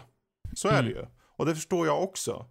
Men som allt går ju tillbaka till huvudansvaret, vara delaktig och faktiskt prata om det. Och om de väljer att inte göra det, ja då är, tycker jag de är dåliga föräldrar. Det här, det här Mm. går ju igenom alla typer av saker som dina barn gör. Du ska vara delaktig om det så är fotboll eller om det är ett spel. Mm. Jag menar om man säger Ja. till barnen, spring inte med knivar eller vassa saker, så får man faktiskt som förälder ta ansvar ifall ungarna hamnar på akuten med Tyvärr ett är det så att ungar är ju som ungar är. För att säga spring inte med knivar, tro fan att de inte tar kniven och springer iväg i alla Va? fall. Vad sa du Fredrik, ska jag springa med en kniv? Okej, jag kan springa iväg med en kniv just ja, nu. Jag har inte mig. Ja, ja, ja, men ett, eh, och det kanske är så här ni får bjuda in mig eh, igen. Men- ett, ett eh, närbesläktat grej Mm. är ju barn och kreditkort skulle jag säga. Och det är Ja. egentligen ett helt annat ämne och jag återkommer gärna och rantar om det. Ja, det är märkligt. För, för det är när, närbesläktat känner jag eh, när det gäller eh, föräldrar och deras uppsikt över barn. Eh, jag förstår att paddan, eh, oftast är det ju en padda, eh, so, som, eh, inte föräldern då, utan själva tekniksaken, eh, so, som fungerar som barnvakt. Där barnet sitter och nöter YouTube eller vad det nu kan vara och man har liksom, ja ja, men det, det blir nog bra rant, rant, rant, tappade poängen. Vi fortsätter så. Kreditkort var du, och Ja. köpa saker. Pre- Ja, men det, det, det, det tänker jag är en helt Ja. separat diskussion Mm. egentligen. Men, Men den, den, den, fa- den närbesläktad. faller ju ändå på det här egenansvar. Ja. Eh, jag, jag har ju kollegor, jag har inte råkat ut för det, men jag har kollegor som har råkat ut för det. Du, din jävel, jag ska stämma dig för att du har tagit pengar av mitt barn. Wow. Mm. Och det är så här, nej, ditt barn har tagit ditt kreditkort, skrivit in uppgifterna och skickat Mm. över pengarna till den som har streamat. Det är väldigt intressant, Det är att, det är väldigt intressant att ungarna har de... Det här grejer. är intressant för att när jag hade, när jag var lite yngre kanske, pratade kanske 12, 13, 14 där någonstans. Det är inte så länge sedan. Eh, nej, inte speciellt länge sedan. eh, det var 10 år sedan ja, ungefär. precis. Eh, så när jag fick en Playstation 3 av farsan så skulle jag köpa något spel online och då stoppade han in sitt kreditkort Mm. där. Och, och det sparades då. Mm. Eh, men är eh, vanligt att det händer förut. det hände, jag- alltså jag köpte aldrig någonting. Mm. Och det, det vet ju han själv också för han har, han har ju ändå bra, bra koll på vad som, vad som bara för pengar dras. Så jag undrar ju, vad var det som han lyckades med? Som gjorde, Mm. han kunde ändå ehm, eh, skriva in de här eh, Men hur kreditkortsuppgifterna väl känner han jag dig? köpte. Skulle du säga? Kalle, Kalle, han vet var du är ifrån, han vet att du Jag är tänker snål. som förälder, det finns ju föräldrar som Mm. är ganska avskärmande till barnen. Det finns de som är väldigt insatta. Liksom. Hur, var står han i skalan? Det finns de som har koll och de som tror Ja. att de har koll. Det, jag, det jag tror det det berodde på är att jag trodde att skulle jag gå och köpa någonting, då skulle han upp, upp, upptäcka det ganska omgående. Mm. Och där sen skulle det gå ut för och då skulle han förmodligen plocka bort Playstation. Men, men jag, jag snackar med föräldrar som är liksom så här att de är redan har en taskig ekonomisk situation. Och sen så har ungen sagt så här, men snälla mamma eller pappa, kan inte jag få ett enda skin i Fortnite? Det kostar bara 300 spänn. Vilket är helt sjukt för övrigt. Men det är en annan debatt. Och sen så lägger de in sina kortuppgifter och trycker på spara. Och sen så blir de så förvånade. Ja, men mitt barn har köpt skins här för 3000 kronor. Ja, Alltså men- hela det här i snacket kring, alltså jag måste säga att jag är helt oinsatt på det här. För mina barn har aldrig frågat och jag tänker inte ens ge ut något Nej. till dem. Att föräldrar ens gör det känner jag. Det Ja. finns så mycket gratisspel. Ja. Och, jag, Ja, och men- när, jag, när barnen pratar om spel, som i nuläget spelar min äldsta eh, Overwatch främst. Mm. Och eh, vi pratar om Overwatch. Och jag tänkte, okej fine. Det ser ut bra. Vi snackade ytterligare om det och sen köpte jag det åt henne. Eh, och det har ju, mig veterligen har det ju typ lootboxes och sånt. Ja, Ehm, Men de droppar ju de ändå. droppar. Det men det är liksom, ja. och, och hon har ju testat på en drös olika spel men fastnar för Overwatch. Mm. Men det har ju varit många spel som har haft och då har hon aldrig frågat. Och, och jag tänker ju inte ge några kreditkort för jag känner att när du är 18 då får du fan köpa skiten själv. Ja, men, men någonting jag kan säga, och det är en känga åt Fortnite, Mm. vilket eh, jag, jag är inte jättefan av Fortnite, men jag spelar för att få visningar. Okej, jag är väldigt ärlig. Mm. Ja, ja. Eh, men Fortnite har byggt upp en community där har du inte ett skin som kostar pengar, är du värdelös som spelare. Du kan få 10 kills, mitt rekord är 6 kills för övrigt. men, men får du 10 kills, men du har inte ett skin, då är du en new skin noob. What? Är, är det Det finns en alltså? kultur. Ja, du, det finns en kultur som säger, har inte du köpta skins, är du värdelös. Ja. det ligger ju självklart inte riktigt på, på Fortnites skapare. Utan det är en kultur som har skapats med hjälp av mig som youtuber, streamers och så vidare. Mm. Där man säger åh fuck, äh, jag, blev dödad av en uh, no skin noob liksom. Han hade ingen skin och dödade mig. Det är helt Det är ju, det är ju klassiskt egentligen, för vad det än är som skapas i världen där ute så kommer det alltid formas någon form av grupperingar liksom. Mm, en subkultur. Ja, ehm, så jag är inte förvånad att det finns, även för ett spel som i grund och botten är gratis. Man skulle väl kunna vara jättebra utan ha, skinsen har, väl, har ju ingen påverkan på spelet. Nej, egentligen inte. Men bland ung, speciellt yngre så finns det ju nu en, en eh, illusion om att har du ett skin är du lite bättre än de andra. man vinna- är det en prestigegrej? Men eller kan man sånt där? vinna skins? Eller måste man Nej, köpa ja, skins? Du, tekniskt sett måste du köpa skins. Du har ju det där battle pass. Men då är det bara en fråga om pengar. Ja, fast de är kids, de Ja. vet inte. Det antar jag. Nej. Och det, blir en, alltså det är ungefär som, har du Levis jeans? Jag vet inte ens om de är inne längre, det sa jag tidigare också. Eh, men, men, men det är så här, jag, hur jag kan relatera till. Bara har du inte Levis inte jeans 501 utan du, du, du, du, du har liksom jeans från eh, JC, heter de då? Ja. Ja. Ja, då, då är det lite sämre. Det är lite samma tänk Mm. där.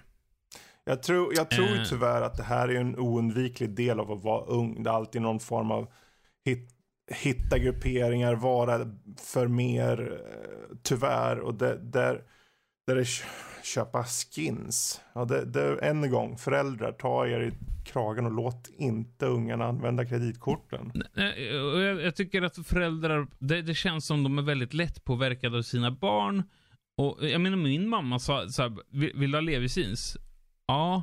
Ja, fast då blir det ingen semester. Du får välja. Mm. Okej, jag vill ha semester. eh, ja, men alltså det var ändå så här. äh, Du, du, får, du, du får ett aktivt val Mm. här. Ja, fast... Och, och idag hör jag föräldrar som säger ja, fast köper inte jag märkeskläder till mitt barn blir mobbat i skolan. Jag har hört samma historia Mm. om iPhones. Ja, det är märkligt också. Alltså, Eh, alltså Och, och det är ju hmm. vi, vi då som är insatta vuxna som egentligen borde snacka med barnen och bara, "B- vänta, äh, de här statussymbolerna, betyder det någonting? Mm. Ja, de fanns ju där. Det, det är ju inte en slump att det fanns det här. Har du de här Levis jeansen? Har du inte dem? Har Mm. inte? Det, sådana saker har funnits hela tiden liksom. Och det skapas per automatik bland ungarna. Och ungarna pratar tillsammans. Och även, för jag, jag skulle inte säga att jag köper föräldrar som säger om, man inte, om inte jag köper det här så blir de mobbade. Men vad jag kan Mm. förstå är rädslan som de har. Ja, Ehm, de tror att de ska bli mobbade. för de, det är just det där, antingen så, för det är ju lätt för en förälder också på det här sättet att tänka eh, att om jag skaffar det här, jag antingen skaffar det här och det är bara att slänga ut ett par slantar eller inte gör det och så riskerar det att få en sån effekt. Mm. Eh, och många tänker nog, ja men jag tar och safear. För jag vill inte riskera att det ska råka bli. Ja. Sen i verkligheten, vi är ju vuxna, det är ju lätt att sitta och säga såklart att ja men det är klart vi förstår att om du har eller inte har de här jeansen spelar ju ingen roll. Egentligen. Jag, jag kan, Men för jag en kan säga så här unge- att Ja. eh, ha, hade jag haft en Rolex när jag var yngre.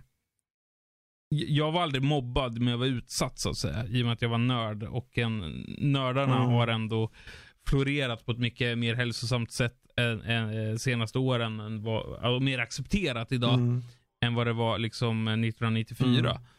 Eh, där en nörd var en kuf. precis. Liksom. Ehm, så, så skulle jag säga så här att hade jag haft en Rolex, eh, blivit skjutsad med limousin eh, till skolan och haft en massa statussymboler så skulle jag ändå vara lika utsatt. Mm. Även om jag inte hade det. Ja. Eh, Det, det, det är ju såklart att det rör sig ju så, nu är det här en helt annan diskussion. Men det rör sig ju mycket om personligheter för, för de unga, hur de är. Och det är ju, Mm. det är ju inget du kan Ja. förändra på det sättet. Du kan ju försöka att köpa ett par jeans. Och försöka visa liksom. säga. eh, Jo, om, fa- fast om man också ens här, tänker. även, även om du har de här Levis jeansen så kommer du ändå vara ja. du. Och oavsett om jag skulle haft Levis jeans eller JC jeans så hade jag ändå varit nörden Fredrik som älskade datorspel och älskade mina kompisar som höll på med dataspel. Så enkelt, Mm. så enkelt är det egentligen. Jag hade inte blivit mer accepterad egentligen om jag hade haft keps istället för inte keps liksom. Eh, för övrigt, om, om ni inte håller med mig och vill skicka kritik så min e-postadress är press@socialdemokraterna.se. bra, bra. Det, där Gott där sa du någonting. För att skicka mail är ju en bra eh, liten eh, sak man kan göra till oss. Ni, ni får skriva vad som Eh, helst så med det till mig. sagt så hoppar vi över faktiskt från den här intressanta diskussionen till lyssnarfrågor som faktiskt kom in. Ehm, och vi börjar med en lyssnarfråga på Twitter från Christer. Och han skriver så här angående att du skulle vara med då. Om jag inte missminner så ser han, Figgen, inte, så, inte mycket film. Men vilken film skulle han vilja se som spel? Och vilket spel vill han se som film? Eh, den är ju redan på G. Och det är ju Minecraft the Movie. Minecraft the Eh, Movie. Ja, alltså jag har en sån kärlek till spelet Minecraft. Okej. Och det är för att jag älskar öppna spel utan slut. Och hur man gör en film av det, Ja, det vet fan. Hmm. Men, men det finns under production Minecraft the Movie. Är det live action? Eh, skulle? Nej, ehm, det kan det inte vara. Det måste vara animerad. ja, nej, jag, jag, tror, jag tror de blir Ja, animerad. Eh, hur som helst, det som är svårare än film till Mm. spel. Eh, och jag ser ganska mycket film, men jag ofta säger att om jag ser inte så mycket film, och det, allting är relativt. Mm. Eh, men just nu så har jag för tredje gången sett Sons of Anarchy. Okej. Och det kan bli i en, alltså GTA hade ju en MC edition. Mm. Men ett spel som faktiskt fokuserar på det kriminella livet hos vissa MC-klubbar. Jag säger inte att alla nu MC-klubbar är Jo kriminella. då, nu är det så. Eh, eh, utan det är ju lagliga företag och så vidare. Nej men eh, det hade kunnat vara intressant som spel och driva en MC-klubb med dubious eh, moral, så att säga. Gudfadern-spelen fast som MC-klubb istället. Ja, exakt. Ja, just det. Ja, bra svar. I, I'm in for it. Mm. Give me. Vi eh, hoppar vidare till eh, Supertacon som skriver på Twitter följande angående dig då Det Figge. nicket känner jag igen Mm. för övrigt. Han han har skrivit ett par gånger tidigare. Eh, han know. lirar så jäkla många spel. Vilket, vilket, eller vilka kanske då, spel är de absolut sämsta han lirat hittills i år? I år. Alltså jag, jag, jag spelar ju säkert i alla fall 10 spel i månaden. Mm. Eh, det blir en 120 spel per år. Då så, då har du ju en, en enorm Eh, mängd med spel. Okej. Eh, sämsta Fortnite. spelet, men det har grym potential. Eh, nu måste jag till Steam och se. heter Light, ska vi se. Nu blir det bra poddradio här. Eh, drr. Flashing Lights. Flashing lights. Yes, det är en blåljussimulator. Det vill säga du är medic, polis eller brandman. Okej. Det är så jävla dåligt, men konceptet i sig. Vad är det här? Varför... Ja. Vänta, är det där man kan åka ut som polis och bara spöa på någon snubbe som bara står där? Ja, ja, ja, ja, ja. Men, men alltså som koncept har spelet sån potential. Att du i en multiplayer-värld försöker samordna blåljuspersonal när det gäller sjukvård, polis och brand. Men spelet är så jävla kackigt gjort och det är troligtvis ett team på två personer som sitter i en källare eh, och, och tycker att vi är världens bästa grej på G. Och det har de. Men de har inte riktigt liksom powern att faktiskt complete it. Gud vad svengelskt. Men det, det är det jag känner. Alltså konceptet är något av det bästa jag sett Mhm. i år. Genomförandet, Det... det är ungefär som att jag går till talmannen och kräver att jag skapar regering. Det är inte, det, det gör jag inte. Det blir inget bra. Okej. Ehm, Du kan, men du väljer att inte göra det. Ja, det är sant. jag har självinsikt.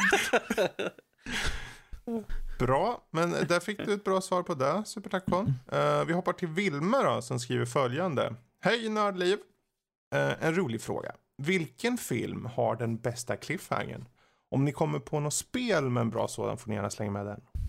Men vi börjar med film. Finns det någon film ni kommer på, på rak arm? Cliffhanger med Sylvester Stallone. Ja, jo, jag tror vi alla har det jag sagt den. säga. Alla har sagt den. Wow. Skulle ju varit snabbare där. Lite- Mm. Okej. Jag, jag har faktiskt tänkt på det här under senaste veckan. Ska jag säga Ja, så jag eller läste ska jag frågorna häromdagen. ja. men jag ska skämta till det lite för vad skoj jag ska vara nu, säga cliffhanger. Jag tänkte, jag jag tänkte det. lägga till typ, får inte nämna cliffhanger, men det är synd jag inte nämnde det. Det sket Mm. sig. Men då får ni hitta på om- några fler. Om jag tar en klassiker Mm. Så säger jag Star Wars The Empire Strikes Back. Ja. Mm. Det är en riktigt bra och det är liksom den här, ah, oh, fuck, jag måste vänta nästa film. Mm. Och jag tänker ifall man hade varit med och sett det när de här kom ut, vilket vi Ja. var lite för, lite, lite för små för, Mm. eh, så hade det varit verkligen, man bara, ah, det är samma sak som vi har, jag kan ta ett exempel just nu, det är senaste Marvel, eh, Infinity Wars. Mm. Där har vi också en jävla cliffhanger, liksom slutet, liksom man bara, eh, oh, va, va, oh, måste vänta ett år. Damn it. God damn it. Tur det bara ett år då. Jag, Ja, jo. jag tror jag är cliffhanger-immun i övrigt. Jag reflekterar inte över att det är en cliffhanger längre.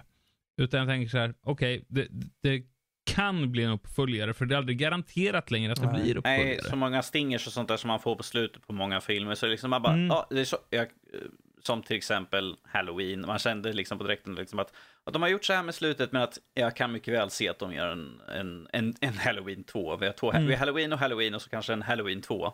Så jävla namn. Ja, någon mer som har någon film? Eh, cliffhanger? Jag ger två exempel nu. Kom igen nu.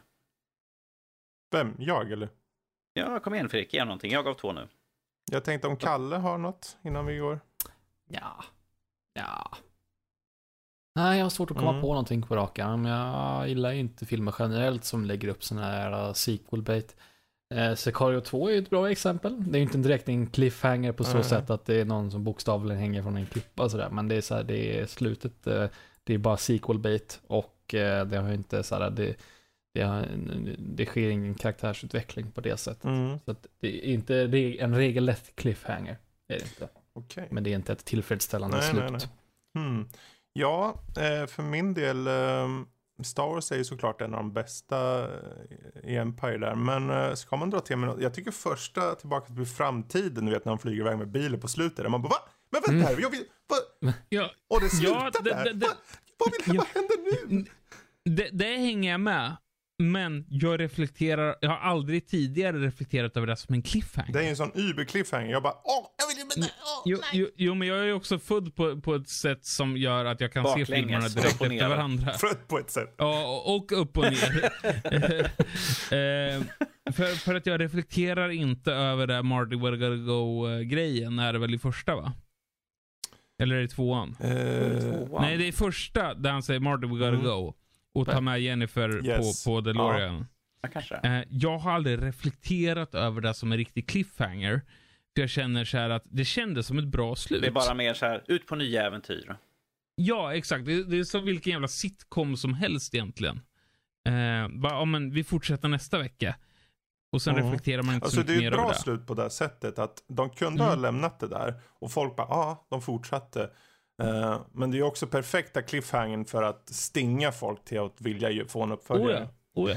Mm, Kan man ta ett Men, men det tv-exempel? känns inte som en, alltså, ursäkta uttrycket, men eh, så, som en horig cliff, cliffhanger. Alltså där, där du, du säljer in nästa film på direkten innan den ens är Mm. gjord.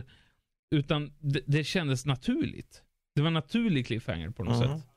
Att vi fortsätter med äventyren, nu kör vi för nu har vi ändå en tidsmaskin liksom som fungerar. Ja. ja, jag kan inte låta bli. Alltså, jag, jag kommer ihåg när jag satt och såg på det där. Jag blev ju helt till med. Tack och lov var det ju efter filmen det kom ju för länge. Så alla fanns ju. Så jag bara, åh det finns en Mm. till, tack och lov. Åh, jag var helt galen i den där då när det begav sig. Men eh, annars, vad alltså det finns ju så många. Det är klart man kan ju dra till med Sagan om ringen och det här. Och, och, och de är lite för uppenbara tycker jag, särskilt i typ första. Men ehm, annars, eh, så här, lite så här eh, filmer som slutar på ett sätt som man inte riktigt vet. Jag tänker på The Thing. Det var, det var typ, han Kurt Russell sitter där på slutet och så kommer Mm. hans, den här eh, andra killen fram då. Mm. Och sen delar de en typ flaska whisky eller vad det är för någonting. Och sen är det egentligen, Och det är, det är bensin. ja. Eh, Ja. Och eh, då är ju frågan, okej, vad händer egentligen efter det? Vet, vet han Ja, om att den där är, vem av dem är typ en alien och så vidare? Ehm, Det, Men, det, men då är det inte uppbyggt för sequel, utan det är ju faktiskt en cliffhanger där man får börja tolka själv. Och där Mm. har du till exempel, Blade vad Runner heter den? till eh, exempel har du ju också där, i- där som ett sånt exempel. Ja. Inception tänkt, kommer jag att tänka Inception, Mm. tack. Mm. Där, där du får börja tänka själv, okej vad är det egentligen som har hänt? Eh, och varje människa tänker själva, men det är det här som har hänt. Och jag tror ingen har rätt förutom eh, Nolan som vet Mm. vad som har hänt. Men det är ju, jag tänker som cliffhanger för mig är ju ändå liksom att det får dig att vilja veta mer. Eh, I Jo, fast det, Inception säger ju ändå så här, jag vill veta mer. Även om det inte kommer en upp, uppföljare så vill jag veta mer, men du kommer inte Nej. få det. Men det, det är ju fortfarande en cliffhanger. Ja. Ja. Men, jag kommer eh, på en cliffhanger ja, för ett spel. Okej, Uh, uh, Mega Man Legends 2. okej. Det slutar med att slutet är att Mega Man är på en annan planet. De har ingen raket att kunna ta sig tillbaka och de som är kvar på eh, Terra, då, den Mm. planeten som är i universumet, börjar scrambla ihop sig. Liksom bara, "Ah, vi måste bygga en raket för att, för att rädda honom. Och där slutar det. Och eh, tyvärr så kom aldrig en trea, för de lade ner det för att de tyckte att det inte var värt Ah, deras men tid. du, Dead Space 3, hade inte det någon jäkla... Den har man slutar eh, på expansionen eller DLCn så står man på en måne och tittar bara ut i rymden. Liksom man bara, jaha, och sen slutar det bara där. Och sjunger Ted Gärdestad. Precis, sjöng Ted Gärdestad. Eh, Bara, du har fått en egen måne, vad fan, nu får det vara nog. Precis, för det slutar liksom, man bara, hur ska de ta sig därifrån? Mm. Vad händer liksom med resten av skiten? Det är väldigt Är det i grundspelet eh, något så här rymdskepp som kommer upp framför hans rymdskepp och de sitter i någon cockpit eller vad det är? Ehm, För det är ju någonting som händer, man ser det kommer upp någonting och sen är det bara slut. Jag kommer inte ihåg, det är så länge sedan jag spelade. Jag kommer bara ihåg att det, det var någonting jag tänkte jävligt Men som sagt, mycket det, på. Kom på en slutar annars. i alla fall så jävla udda. Mm. Ja, yes, Kalle.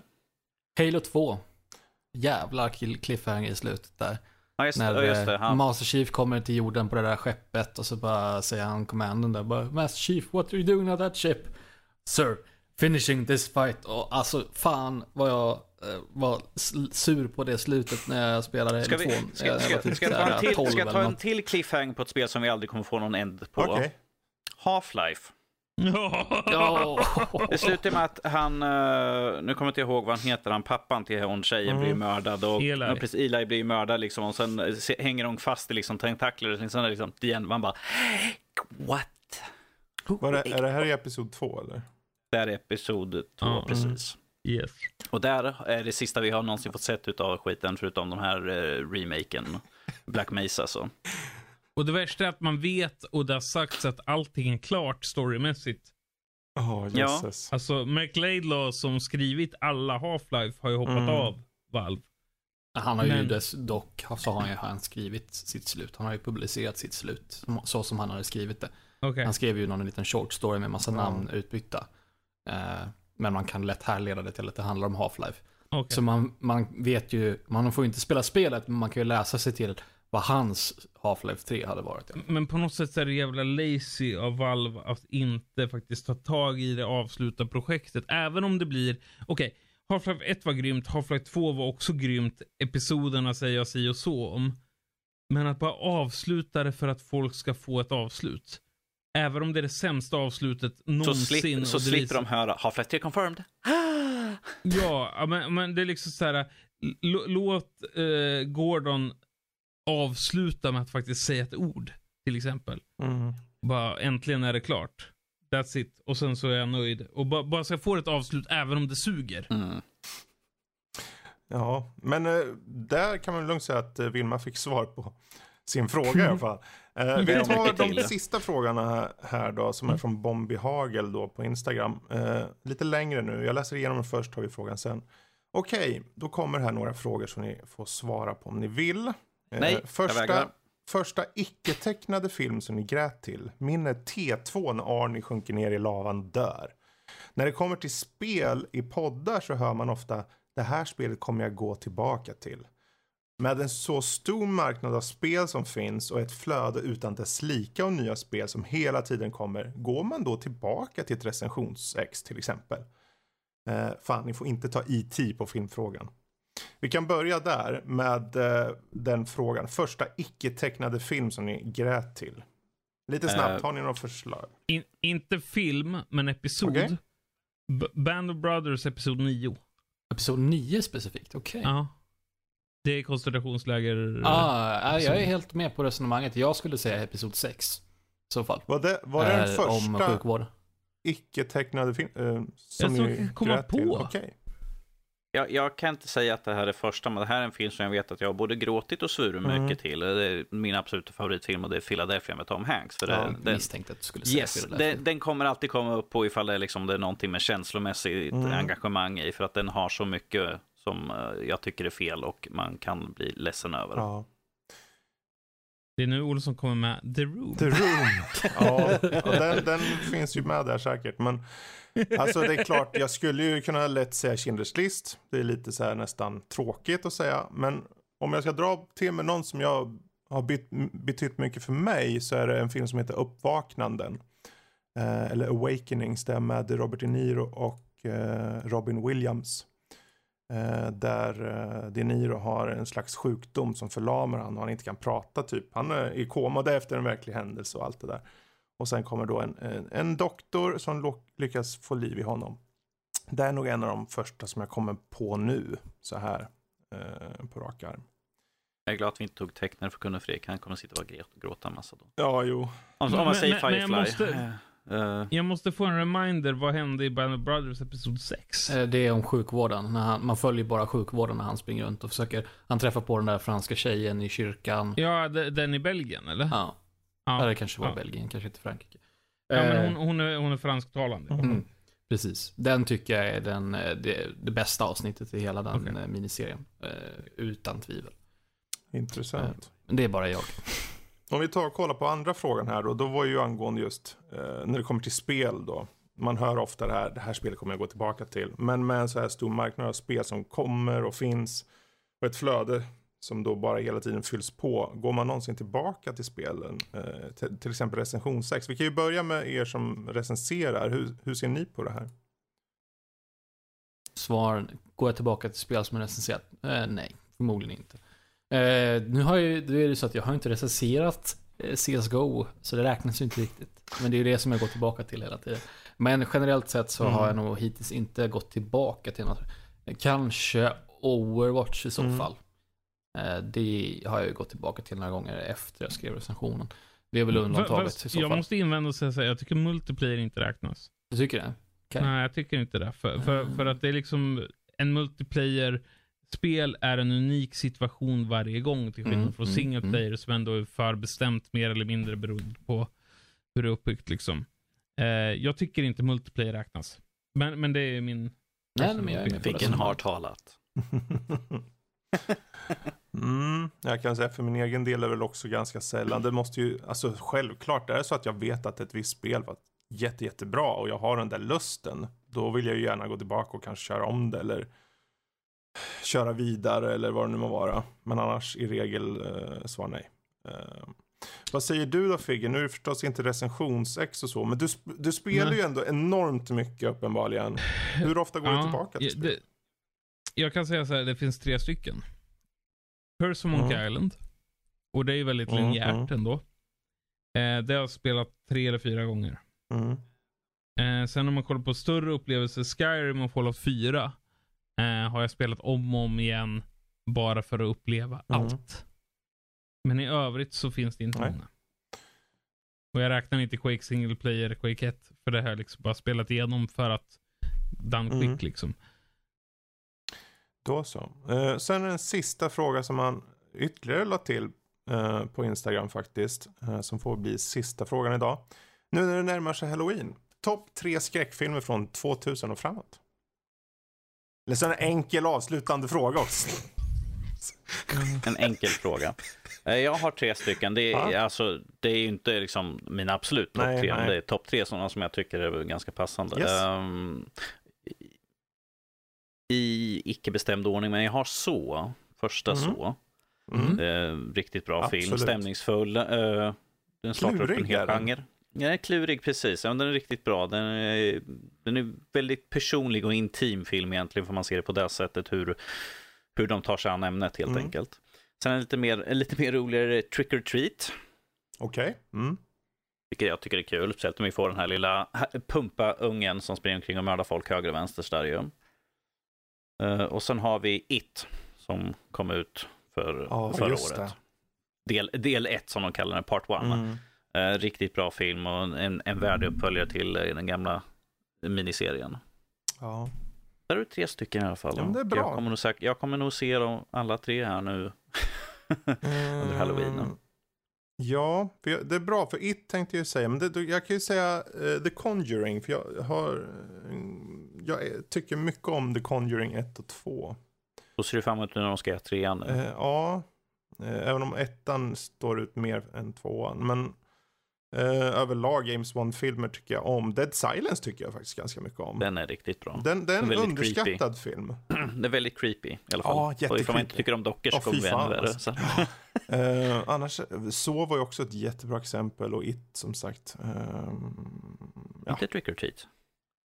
ja, det, får, det får duga för mig. Finns det någon mer av er som har några uh, skräckisar? Mm. Skulle säga The Devil's Rejects. Mm. Eh, är bra. Är det Eh, Rob Zombie?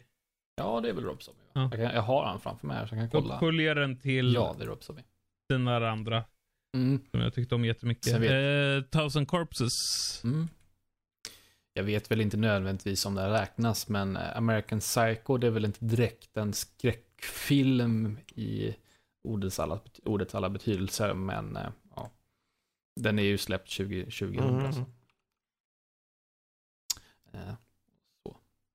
Det var väl de två jag kan Ja. komma på på rak arm. Jag sitter och kollar på lite listor här, så vad, vad har jag sett hittills? Men eh, det, ja, det finns säkert många Ja, mer. det finns ju, vi, vi drar ju Ja. till med lite ur arslet helt enkelt, så är det ju. Ja, det Ja, i alla fall som, jag. som vi brukar göra. Det, det gör du så bra Ja. Fredrik. på. Ja, you så. should know. Grr. Figgen då? Alltså grejen är att säga så här, ja, 2000-tal. Mm. Fan vad svårt det blir. Jag, jag ville säga Night of the Living Dead 1990, eh, Savinis version. Men det är ju Mm. 1990. Den gills inte. och inte 2000.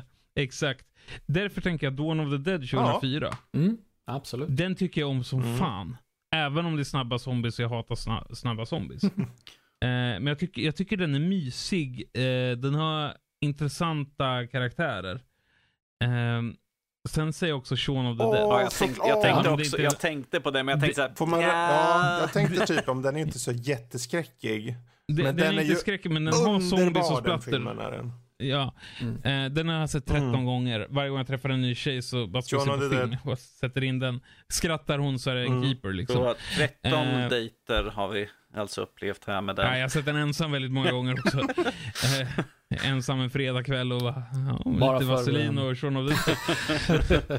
Bara för att säga tre totalt så lägger jag till The Mist också. Jaha, intressant. I, Mm, Okej. mm. Och just för Men- slutet är jävligt bra alltså. Väldigt, väldigt bra tyngd i det slutet. Ja. Sen, sen jag är så jävla dålig. Jag älskar ju skräck, men jag älskar visuell skräck, alltså när det är bra praktiska effekter Mm. och så vidare. Mm. Eh, så Änglagården tredje sommaren. Ja, ja fy fan. alltså jag, jag får, ju- Jag- jag får ju kalla kårar bara jag tänker på den. Så. Nej, men jag, jag kommer inte på en tredje bra skräckis på 2000-talet. För det mesta har med jump scares att Mm. göra, Mm. tycker jag. Eh, det är uppbyggnad, uppbyggnad, jump scare, uppbyggnad, uppbyggnad, jump scare. Jag vill ju hellre ha en re- redig splatt. Jag, jag tyckte om, eh, vad heter det, Sam Raimi i originalet? Evil Dead. Evil Dead. Jag tyckte om den på något sätt fast jag hatar den för att det var inte originalet. Ah, okay. Jättekonstig motivering, men vi kör på det. Så är det gjort. Den ska jag gå och se på bio här nu på tisdag. Då kör kör Originalet. den som klassiker. Yes, Se där kör ja. den som klassiker. Så ska jag gå och avnjuta den. Bra, bra. Men vet ni vad? Där har vi slutpunkten för eh, veckans avsnitt. Eh, vi får ju tacka Figgen som har haft möjlighet att kunna vara med. Glöm inte tumma upp, prenumerera och kommentera. Och inte på YouTube. Det är bara att söka på Figgen. Ni vet vart ni hittar den. YouTube nummer ett vet ni. Han streamar också. Det händer. Eh, oss andra nötter hittar ni på nördliv.se. Eh, såklart så finns vi även på iTunes då uppenbarligen. Och eh, det är bara att eh, skriva en liten vers där om ni önskar. Så, ni, eh, så vi får lite mer kommentarer. Det är alltid roligt. Är det så? Får jag en shameless plugg Ja. innan du avslutar? Jag har ju också en ny kanal där jag lagar mat. Den heter Inga konstigheter. Precis. Det är inte bara spel jag håller på med. ni se Figgen må dåligt? Gå in på Inga Exakt. Ja, konstigheter. för all del, hoppa in där. Ta en titt, skriv lite Mm. till han eh, och likea skiten ur den där. Eh, och subba. Jag behöver mer vuxna tittare. Eh, I övrigt, ni vet var ni hittar oss. Om ni vill kontakta oss, ta info.nordlivpodcast.se eller över Twitter eller Instagram med @nordliv.se. Sådär, men då så. Eh, ska vi gå full Sivert nu och avsluta det här på ett icke-värdigt sätt och bara skvätta... Hashtag fuck Fuck Fortnite. Fortnite. Fredrik, Fredrik, Fredrik, ifall vi skulle göra så, då skulle det vara att vi klipper precis mitt och nu ska vi bara